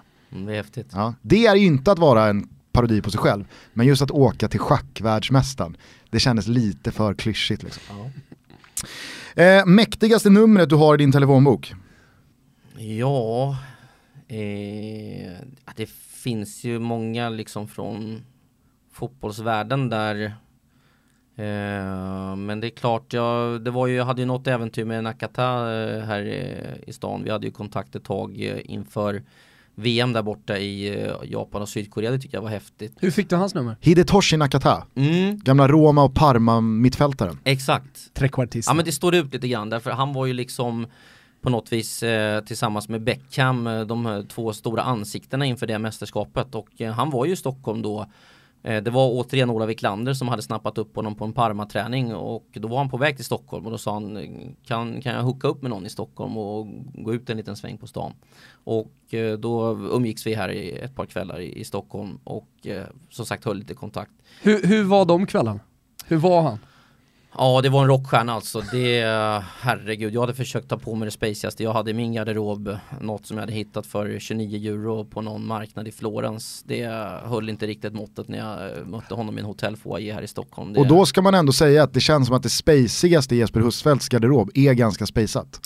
Ja det kanske på sämre år, eller senare år. Eh, på den tiden så fanns det nog inte så mycket spacet. Det var mm. nog spacet på fel sätt i sådana fall. Okay. Det kanske fortfarande är för övrigt men Ja, det var i alla fall low budget så det sjöng om det. Och eh, Nakata eh, dök upp i den här hotellfoajén i ett par eh, stövlar upp till knäna, ett par tajta svarta jeans, någon eh, Dolce Gabbana skinnpaj som måste ha kostat liksom 50-60 tusen. Och sen hade han var ju ganska liksom slimmad hela han, både i kroppen och i ansiktet. Så det, det satt ett par tunga solglasögon på de här kindbenen redan när han kom ner i eh, foajén. Och det bara ryste till i kroppen när jag fick se honom första gången. Han såg jävligt cool Vilken ut. Vilken jävla press det måste varit på dina axlar att nu, nu är det dags att leverera här Jesper. Stockholms nattliv. Liksom. Var tog du honom? Eh, vi var faktiskt ute en liten sväng på, jag lyssnade lite grann på hans önskemål och vad han ville göra då. Och ja, först så var vi på Sturehof sväng, käkade lite grann, eh, lite skaldjur och så bara en liten förtallrik som var uppe på gondolen och käkade en lite större tallrik. Eh, Jane Björk dök faktiskt upp då för att eh, hon hade fått reda på att han var i stan så hon var där en liten sväng och hälsade på. Och sen så försvann vi ner på Café Opera. Och den första vi stötte på vid spelbordet där är Zlatan av alla. Eh, han var ju inte speciellt eh, stor på den tiden, det var ju 2002. Eh, jag tror han hade någon vit polo på sig och, och Zlatan kände igen Nakata. Jag Tror han kände igen mig också, kom fram och liksom du, eh, är det han? Ja, ja, det är klart det är han. Du, Men det här är en annan värld. Ja, skulle jag kunna få snacka med han lite grann? Löser du det? sa han. Ja, absolut, så jag. Så, så vi gick fram till Nakata där och ja, vi har en svensk kille som spelar i Ajax här nu som kommer bli en stor stjärna i framtiden. Han heter Zlatan, så vi pratar med dig lite. Så han var ju väldigt liksom ungdomlig på den tiden och bara smög fram så de fick ju hälsa på varandra och ja, det kändes som det var stort för, för Zlatan på den tiden. Så att det här är på, vad sa vi? 2002, Ja men på, vilket ställe är vi på? då är vi på Café Opera. Du, Hidetoshi Nakata, Zlatan Ibrahimovic och Jane Björk Ja, Jane Björk, hon har åkt hem sitter med ett helrör på Café Opera. Det är ju... Vi, vi hade inte råd med några helrör faktiskt, men, men eh, Jane hade försvunnit. Men det var i alla fall jag, Nakata, Zlatan, hans polare och ett par polare till mig. Minns jag fel eller eh, efter avslutad karriär stack Nakata ut på någon sån här backpackerresa för sig själv? Ja, det gjorde han. Det är ju många... Odlade skägg gjorde han så han inte skulle bli igenkänd. Ja, men det är ganska häftigt det där. Det finns ju rätt många spelare som, som är vanliga människor i grund och botten och som tycker att den här fotbollsvärlden har blivit allt för cynisk. Eh, Nakata behöll ju liksom alltid sitt mindset på något vis och kunde se in i den här världen och sen liksom försvinna ut, zooma ut från den och leva sitt eh, vanliga liv även om det var väldigt stort därför han försvann ju ofta efter träningarna i Parma upp till Milano och dejtade Mila Jovovic och vem det nu var under den här perioden. Men vi har ju fler exempel på det nu. eh, Jag menar Mattias Almeida var ju också trött på hela cirkusen runt fotbollen och eh, talade ju ganska vitt och brett ut om att han ville leva ett vanligt lantligt liv hemma i Argentina efter karriären. Han är ju bara en av dem. Det finns ju Danny. Osvaldo pratade vi om i podden senast Jajamän. som var starkt emot VAR och ville ha tillbaka den riktiga fotbollen. Det är en annan sport men eh, det finns ju ett dagsfärskt svenskt exempel i handbollsstjärnan Kim Ekdahl Durier som eh, avslutade sitt kontrakt, han var typ så här 26. Världens bästa men sket i det och flyttade ut till en kolonilott utanför Lund. Ja.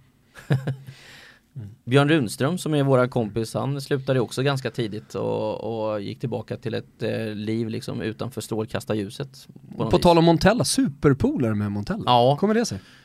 Ja de är nog bästisar. Eh, där kommer jag också in lite i bilden därför Björn och jag har ju alltid varit kompisar och eh, ni som gillar liksom den här typen av konstellationer då. eh, Jag var ju i London en repa och en gång och besökte Björn och eh, han spelade tillsammans med Montella i Fulham. Mm. Eh, och de började umgås direkt, båda snackade italienska, kände sig hemma med varandra och Björn hade Alexander Skarsgård där eh, på besök. Och Montella älskar ju Zoolander eh, filmen. Så han trodde inte sina ögon när han för första gången fick se eh, Skarsgård på en av de här luncherna i de där distrikten runt eh, Chelsea.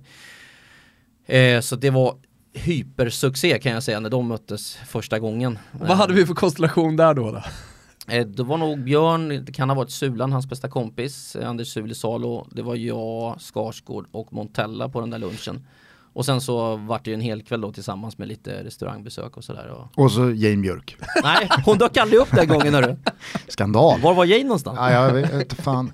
Men Eh, han, han var en stor hjälte får man ändå säga. Även, även i eh, London så sprang de ju ut från de här italienska restaurangerna när de såg honom gå ut förbi på gatan.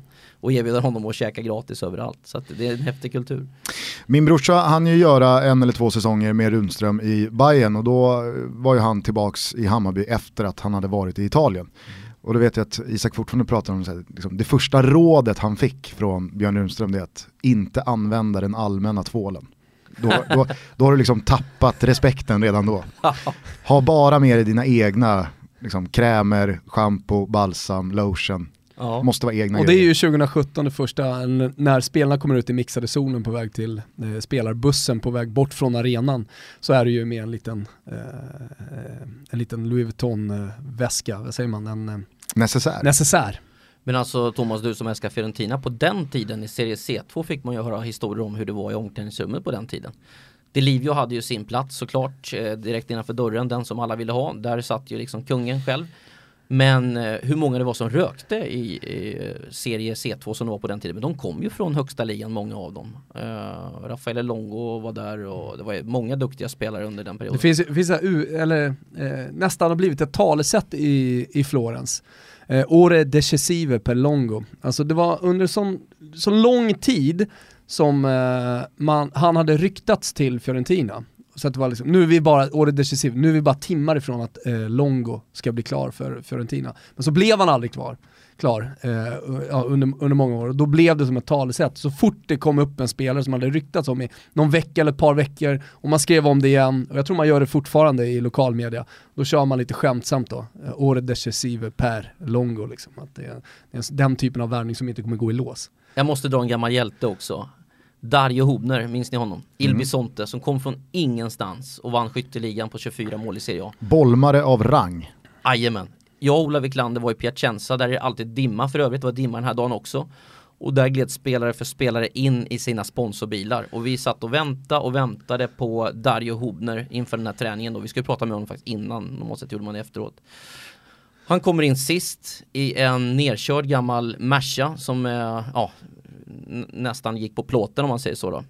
Hoppar ut ur bilen och tänder en cigg det första han gör liksom på vägen till omklädningsrummet. Det, det var inte bara en myt kan jag säga. Men vilken profil. Han har ju också en, eh, när han, jag vet inte om han blir utvisad eller utbytt, men när han tar en sig också vid avbytarbåset.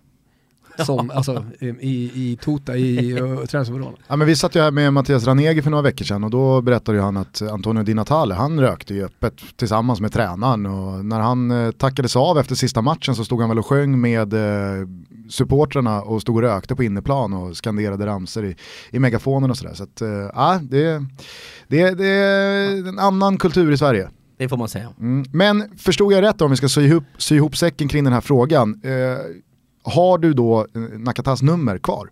Nakatas nummer, det är säkert gammalt nu, det har jag kvar. Det finns säkert några roliga till, men den, den historien tycker jag nästan är roligast. Mycket fin. Är du tatuerad? Absolut inte. Snyggaste fotbollströjan genom tiderna? Ja, eh, ja, det finns så många vackra men de flesta tycker jag finns i Italien faktiskt. Eh, de flesta vurmar väl tror jag för Sampdorias tröja. Den ligger med varmt om hjärtat i och med att vi både har Andrea Doria där och FC Sampie Darenese så det blir mitt svar men det var politiskt korrekt den här gången. Mm, det är faktiskt inte så många som har sagt eh, Sampdorias tröja Nej, i den här är podden när de har fått gången, frågan. Eh, men jag håller med dig, Sampdorias tröja tycker jag, och alltid har varit sjukt snygg. Ja, Och så älskar jag med Sampdoria att deras bortaställ, nio av tio säsonger, är bara omvänt. Alltså det är samma ställ, fast där det är blått i hemmastället så blir det vitt eh, på bortastället och vice versa med färgerna. och de är nästan lika läckra. Ja, Eh, FC Darenese och Andrea Doria som slog samman 1946. Båten sjönk ju Andrea Doria den kända utanför New Yorks kust 1954. Men det var ju därför de fick alla färgerna. Därför eh, Andrea Doria kom in med blått och vitt i grunden. Och eh, FC Samp eh, kom in med rött och svart. en match som du skulle vilja se men som du ännu inte har sett. På plats, Mm. Ja, eller det, om du nu får välja, om allt bara är rent hypotetiskt så vore det väl märkligt om du valde tv-soffan. ett stort derby i Buenos Aires är nog ganska självklart. Jag har ju varit i Rio och tittat på stora derbyn. Jag har varit i Buenos Aires men jag har inte tittat på de här stora eh, derbyna mellan eh, River och Boca. Så det hade varit stort. Och visst hade du föredragit att se den på Bombonera då? Självklart. Ja det är, slår aldrig fel. Nej. Det är på Bombonera man vill vara. Ja, och där har jag varit faktiskt eh, Mhm. i, i trakterna runt där och kikat. Det är häftigt. Sista frågan då, om du inte får svara Messi eller Ronaldo, vem är idag världens bästa fotbollsspelare? Och då blev det ju väldigt svårt. Men vi var ju inne på De Bruyne tidigare. Han har ju tagit steg i karriären. Det är klart, han är ju inte poängspelare på samma sätt. Men eh, som han dominerar fotbollsplanerna i England idag. Jag pratade lite grann med eh, Mattias Klasenius som dömer med Jonas Eriksson. Är det någonting liksom vi eh, tittar inte liksom förstår vidden av? Eh, ni som kommer så nära spelarna. Då nämnde han just honom allra först. Eh, det är ett eh, fysiskt monster med en eh, begåvning liksom i den här passningsfoten som, som knappt eh, finns tillstymmelse till i dagens fotboll. Mm. Han har alltså allt, men just hans explosivitet ute på planen och kraft och styrka liksom, det, det var läckert att se så. Ja, och någonting som jag tror man kanske glömmer bort eh, kring honom är ju att han den här hösten är en av ytterst få spelare som spelar varje minut. Han roteras inte bort. Nej. Och det är ju helt sjukt egentligen när Pep Guardiola gör som han gör med så många andra spelare. Mm. Kevin De. Bruyne, jag säger De Bruyne, eh, han eh, spelar ju 90 minuter Mm. var tredje dag. Ja. Så att eh, fysiskt monster skriver jag under på. Mm. Kanske har gått till Inge Johanssons gamla Djurgårdsskola. Vet du att De, De Bruyne kommer du undan med på den franska delen av Belgien? Där säger de faktiskt De Bruyne. Du ser. Mm. Gusten har alltid varit lite fransk. Nej. Jag tänkte säga det, om man, om man blickar lite framåt, alltså som en följdfråga på det här. Vem, vem tror ni kommer vinna flest guldbollar? Är efter Messi och Ronaldo så att säga. Finns det någon som kan ta över den stafettpinnen? Ehm, jag vet att Mbappé är många som, som vill lyfta där. Eh, vi såg ett mål här senast. Eh, jag twittrade om det eh, igår. Eh, han, han kan ju rycka ifrån, alltså han har ju sånt steg och med bollen och teknik med bollen som eh, jag inte tycker riktigt man har sett sen Ronaldo, den riktiga Ronaldos dagar. Ja, men det är väl Mbappé och Neymar som nämns eh, oftast. Och där finns ju som, som sagt kanske ännu mer kvar i Mbappé när det gäller utveckling. Fortfarande råämne lite grann. Ja, men enorm explosivitet och eh, vilka avslut han visade upp eh, under våren i Monaco alltså. När han kom fri med målvakten och la upp den i krysset, det är bland det coolaste jag sett. Jag tror att eh, beroende på hur länge Messi och Ronaldo orkar hålla i så är det Neymar som själv bestämmer hur många guldbollar han kommer få. För jag har en liten känsla av att Neymar kommer trilla i brasseträsket och eh, kanske ha lite fel fokus om några år. Ja, och det där brasseträsket, det är inte alla som känner till, men det är så många som har hamnat där. Eh, resan från, eh, från eh, Brasilien och, och som många har gjort från fattigdomen ända fram till eh, rikedom och eh, strålkastarljuset har ju knäckt väldigt många. Adriano inte minst, Mm. nämna i modern tid. Så. Eh, ska vi ta lite lyssnarfrågor innan vi avslutar? Det tycker jag. Det har ju varit en hel del. Sen så är det många som har ställt frågor eh, kring ämnena vi har eh, tagit upp. Men någonting som vi inte har tagit upp och många som har hört av sig kring, det är ju dina imitationer. Mm. Och du var ju lite brasklappande innan vi slog på räck här att, eh, ah, jag vet inte riktigt om jag, om jag vill lyfta på det locket. Nej men jag tror liksom humor bygger mycket på spontanitet eh, eller eh, i annat fall ibland på professionalism. Och även om det låter tråkigt så det är ju hur kul som helst på eh, en fest och, och dra igång de här imitationerna eller på semestern. Men det känns så krystat att lägga ut dem när man sitter i en sån här miljö så att eh, jag bjuder gärna på dem någon gång i framtiden men i rätt forum. Är det okej eller? Ja, absolut. Du bestämmer ju helt själv. Jaha. Eh, vår eh, gemensamma goda vän och eh, tidigare kollega, i alla fall för mig och Thomas, eh, Kristoffer Kviborg, hälsar att han älskar dig. Ja, vad härligt. Eh, men han har ju eh, verkligen slipat på sin Arne Hegerfors Mm.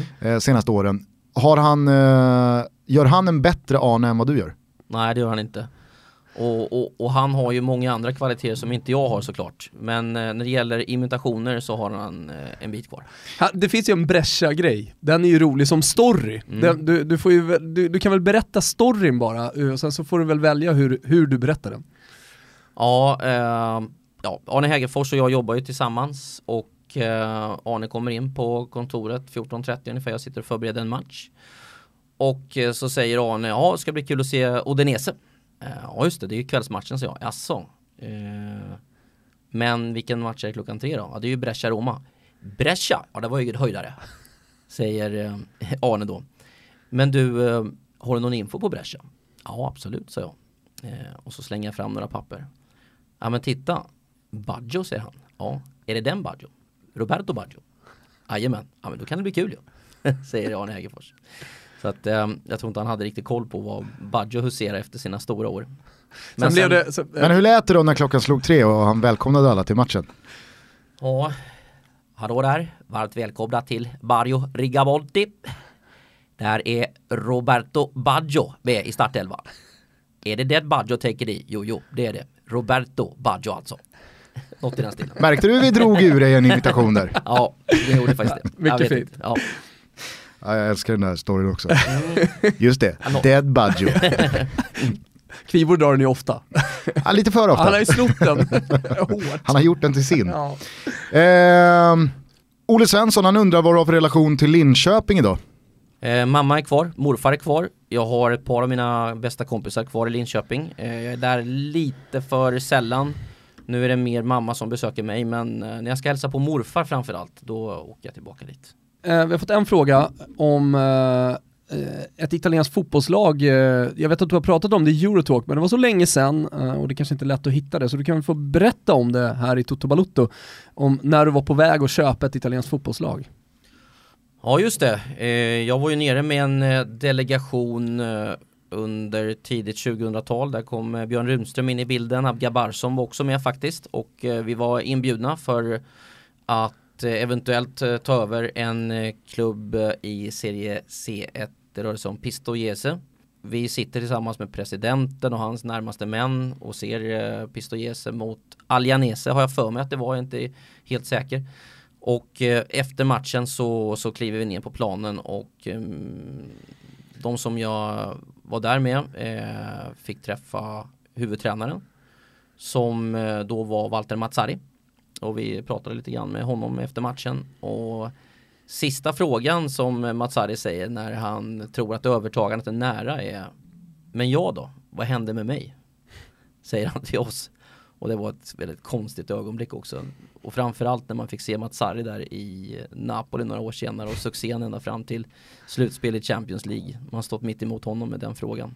Vad, vad sa du då när Walter frågade om Jag sa nog inget smart men eh, en av grabbarna som var med mig sa väl något begåvat. Jag minns inte riktigt hur svaret var. Det hade ju varit mäktigt, nu hade du ju precis chansen att skarva in att du sa ah, det blir tufft, det Ja. blir tufft för dig. Jag har för mig att någon sa vi får se vad som händer. Eh, Harry Söderlind, han säger så här, vem är Sveriges bästa kommentator enligt honom själv? Enligt honom enligt mig Mm. Sveriges bästa kommentator, den som jag tycker uh, alltid har varit väldigt bra Det är ju Maria Strandlund som gör tennisen. Uh, Hon har ju en uh, liksom varm framtoning och en expertis och man liksom, det känns som att sitta i knät på Maria när hon kommenterar. Jag har alltid älskat att lyssna på henne När hon kommenterar matcher.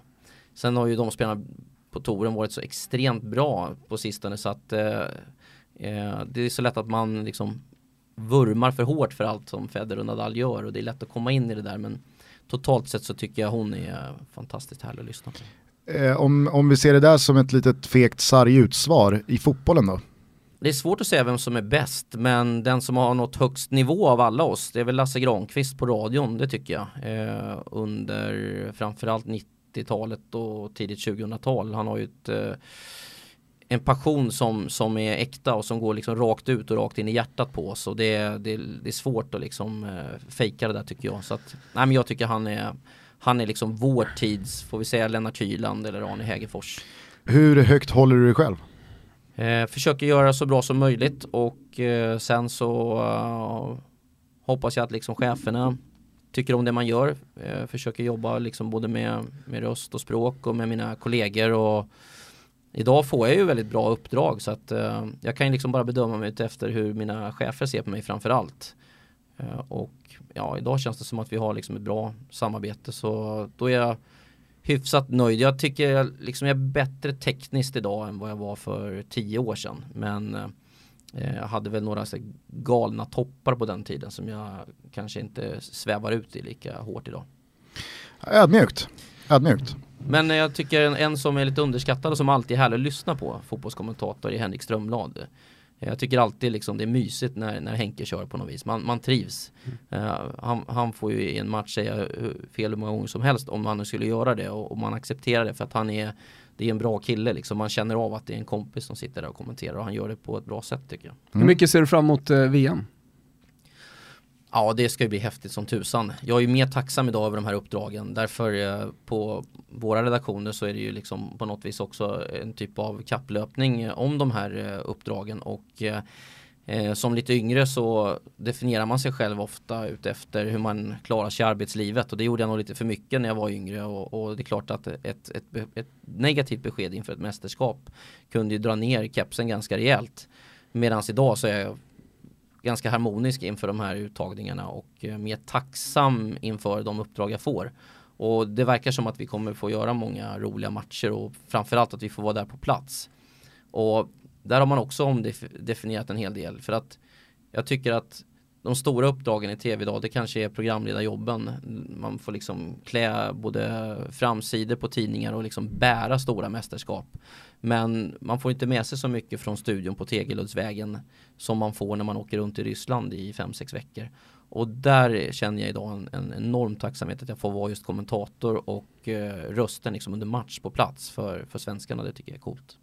Filip Fagerberg, han undrar ifall du har något sånt här jag var där moment när någonting väldigt speciellt eh, på en fotbollsplan hände. Någon debut eller något mål eller någon sån här incident som många kommer ihåg hur många som helst alltså. Det är, jag har varit på plats så många gånger så man det, det känns ibland som att man är liksom någon, någon version av eh, Forrest Gump. Alltså, eh, jag åkte mycket själv på matcher. Jag var på fotbolls-VM 94 åkte dit och kikade på svenska landslaget och framgångarna där. Jag var liksom på EM 2004 när Zlatan klackade in det där målet som Lasse Granqvist så bra kommenterade. Och tillsammans med Ralf Edström. Så att det finns jättemånga ögonblick men eh, ofta har jag känt, liksom, jag känt mig som någon typ av lyckogubbe som har hamnat i många sådana där sammanhang. Det tycker jag är häftigt. Jag var ju faktiskt där på, åkte på EM i eh, Portugal ända fram till Sverige åkte ut mot eh, det som vi kallar för Nederländerna idag. Ja, vad har hänt där? eh, med uttalet Ja. eller? Ja, faktiskt så är det så att eh, Nederländerna numera ses både där nere eh, och eh, runt, runt om i fotbollsvärlden och bland journalister som den korrekta termen. Eh, det finns säkert någon som kan förklara det där bättre. Men ja, Nederländerna som gäller. Men du var på den matchen i alla fall? Ja, mot den, Holland? ja den, var, den var häftig. Och det var nästan våran största chans att, att vinna ett guld i ett mästerskap i modern tid. För det hade varit svårt tror jag att gå hela vägen 94, Mm. känns det som. Men där hade vi ett lag som kändes så hett så att vi hade kunnat vinna hela klabbet. Toto Balutto? Ja, Melker undrar ifall du tror att du kommer kom kommentera Serie A igen. nej det tror jag inte. Eh, dels för att de 15-16 åren eller vad det kan ha varit eh, var ju väldigt mycket lördagskvällar och söndagskvällar. Och eh, jag fick ge upp mycket annat i mitt liv. Eh, när sociala medier trängde igenom så fick man ju se liksom vad andra människor gjorde när man själv satt i det där båset då. då. Och eh, jag har ju missat väldigt mycket så här familjesammankomster och, och, och vänskapsmiddagar och allt möjligt under ett och ett halvt decennium. Bara för att få göra det här jobbet. Och det känns svårt att ge upp det igen. Jag tycker att det är lättare med att jobba med allsvenskan eller Premier League eller tyska ligan eller vad som helst, Champions. Eh, Men just de här latinska ligorna, de- blir ganska tuffa för privatlivet tycker jag. Mm. Eh, det var någon som hade skrivit in eh, referatet eh, Robinho missar friläge och jag är inte förvånad. Eh, har du något eh, eget sånt här favoritreferat från dig själv? Nej, jag har eh, alltså bara lyssnat på mig själv genom, genom alla år, framförallt med liksom en, ett kritiskt öra för att känna av vad jag kan förbättra. Så att eh, jag har ju sällan suttit och liksom tyckt att där satt den. Eh, det är klart att man, man kan vara mer eller mindre nöjd med referat men eh, jag minns några som har, som har suttit eh, som jag skulle, som då skulle när Zlatan gjorde målet där eh, på eh, Camp Nou eh, mot eh, Real Madrid. Det tyckte jag liksom, det, det satt på något vis. Nu då, för Barcelona. Dani Alves lyfter in bollen fint. Ibrahim i mål! 1-0 Barcelona! Zlatan Ibrahimovic! Wow! Frälsaren har landat. Han har precis kommit in och Dani Alves prickar honom. Möjligen en någon decimeter offside, men på forwards manér. Han sticker in och gör första målet i matchen och bryter dödläget det ska innehålla vissa, vissa saker i form och språk och det och även liksom känslan ska, ska, ska finnas där på riktigt. Det tyckte jag den gjorde i det läget. Det finns några sådana. Men en, ja, jag har inte sett att jag sitter och känner att jag, det där nailar jag utan ja, det, där, det, där, det var en bra presentation. Det tycker jag. Vill du avsluta med att eh, säga någonting eh, till eh, flera hundratusen som lyssnar på dig? Mm, just det, precis. Eh, nej men eh, Toto Balotto har ju blivit en eh, väldigt stor podd och jag visste inte ens att ni hade fått uppträda med den här för jag är för dåligt uppdaterad. Så jag är glad just den för den väg som du har valt i livet för vi snackade du och jag för något år sedan. Och eh, då trodde jag att din bästa väg var för att, att ta dig tillbaka in i media igen eh, genom att inte jobba med Thomas att, eh, att gå varsin väg. Men du har ju liksom med eh, envishet och eh, professionalism visat eh, att det finns andra vägar att gå. Att ni har liksom fått ut det bästa i varann. Och skapat en podd som har blivit så stor, framgångsrik och bra. Och det glädjer, tycker det är häftigt. Och, och fortsätt kriga, fortsätt göra det med liksom hjärta och med, med kvalitet. För det är liksom början på någonting väldigt bra. Uh, använd aldrig mig som rådgivare igen kan man säga. Eh, och är kul att få vara med. Sen så har jag ett gäng sådana gamla Fotboll Italia magasin kartongvis fyllt. Så skulle ni vilja ta del av dem eller någon annan av era lyssnare så hör gärna av er så, så kan jag dumpa över dem för de, de kommer, kommer stå och damma hos mig annars. Ja, det tror jag är säkert är ett erbjudande Thomas är sugen på att nappa. Ja, men framförallt så tror jag så här i Musikhjälpen-tider och sånt där att vi kan, vi kan säkerligen eh, eh, få användning eh, för dem. Vi har nog många lyssnare som knappar på Twitter nu. Hör du, eh, har du någon nyårslöfte? Mm, nej, vi, inte, vi har inte kommit dit än. Eh, möjligen då, då, som jag tänkt hela året, att lägga bort mobilen och eh, liksom inte ens ta med den ofta och ha den helt avstängd. Det får vara Ska vi ta i hand på det? För jag behöver också göra det. Att 2018 Det kan vi göra, men då får vi definiera lite tätare närmare nyår hur vi ska göra det där. Ja, för jag behöver verkligen det. För man blir ner, mer närvarande och eh, det är roligare att leva när man får uppleva livet på riktigt. Mm. Otroligt eh, svagt radioögonblick när ni skakade hand precis. det, det, det måste jag Det säga. utvecklas hela tiden. Men, men också just det hänger ihop med det att, att kanske ta ner sociala medier ett hack till. Eh, det är mycket roligare att, att kunna leva livet här och nu, tycker jag. Kanske en för Kurre och Brollan att de får vara i fred ibland. Ja, de kan man ju filma med någon annan kamera. Du Jesper, du ska precis som alla våra gäster få avsluta ditt program med eh, valfri låt. Mm, då gör vi det med Counting Crows, Mr Jones. Vilken superlåt. Bästa, Vilken jävla superlåt. bästa någonsin. Ja, eh, ja eh, god jul God jul! och gott nytt år. Gott slut. Ja, detsamma. Det har varit eh, jättehärligt att ha det här Jesper. Mm, det var kul att vara här. Vilken, vilka minnen den där låten gör med mig. Jag behöver inte ens höra den. Se, se mig själv stå på strand på Zanzibar och skråla. Show me some of that Spanish dancer, Mr. Jones. Ah, ja. eh, Jesper Husfeldt, stort tack. Stort tack själva. Ciao tutti. Ciao. Ciao tutti.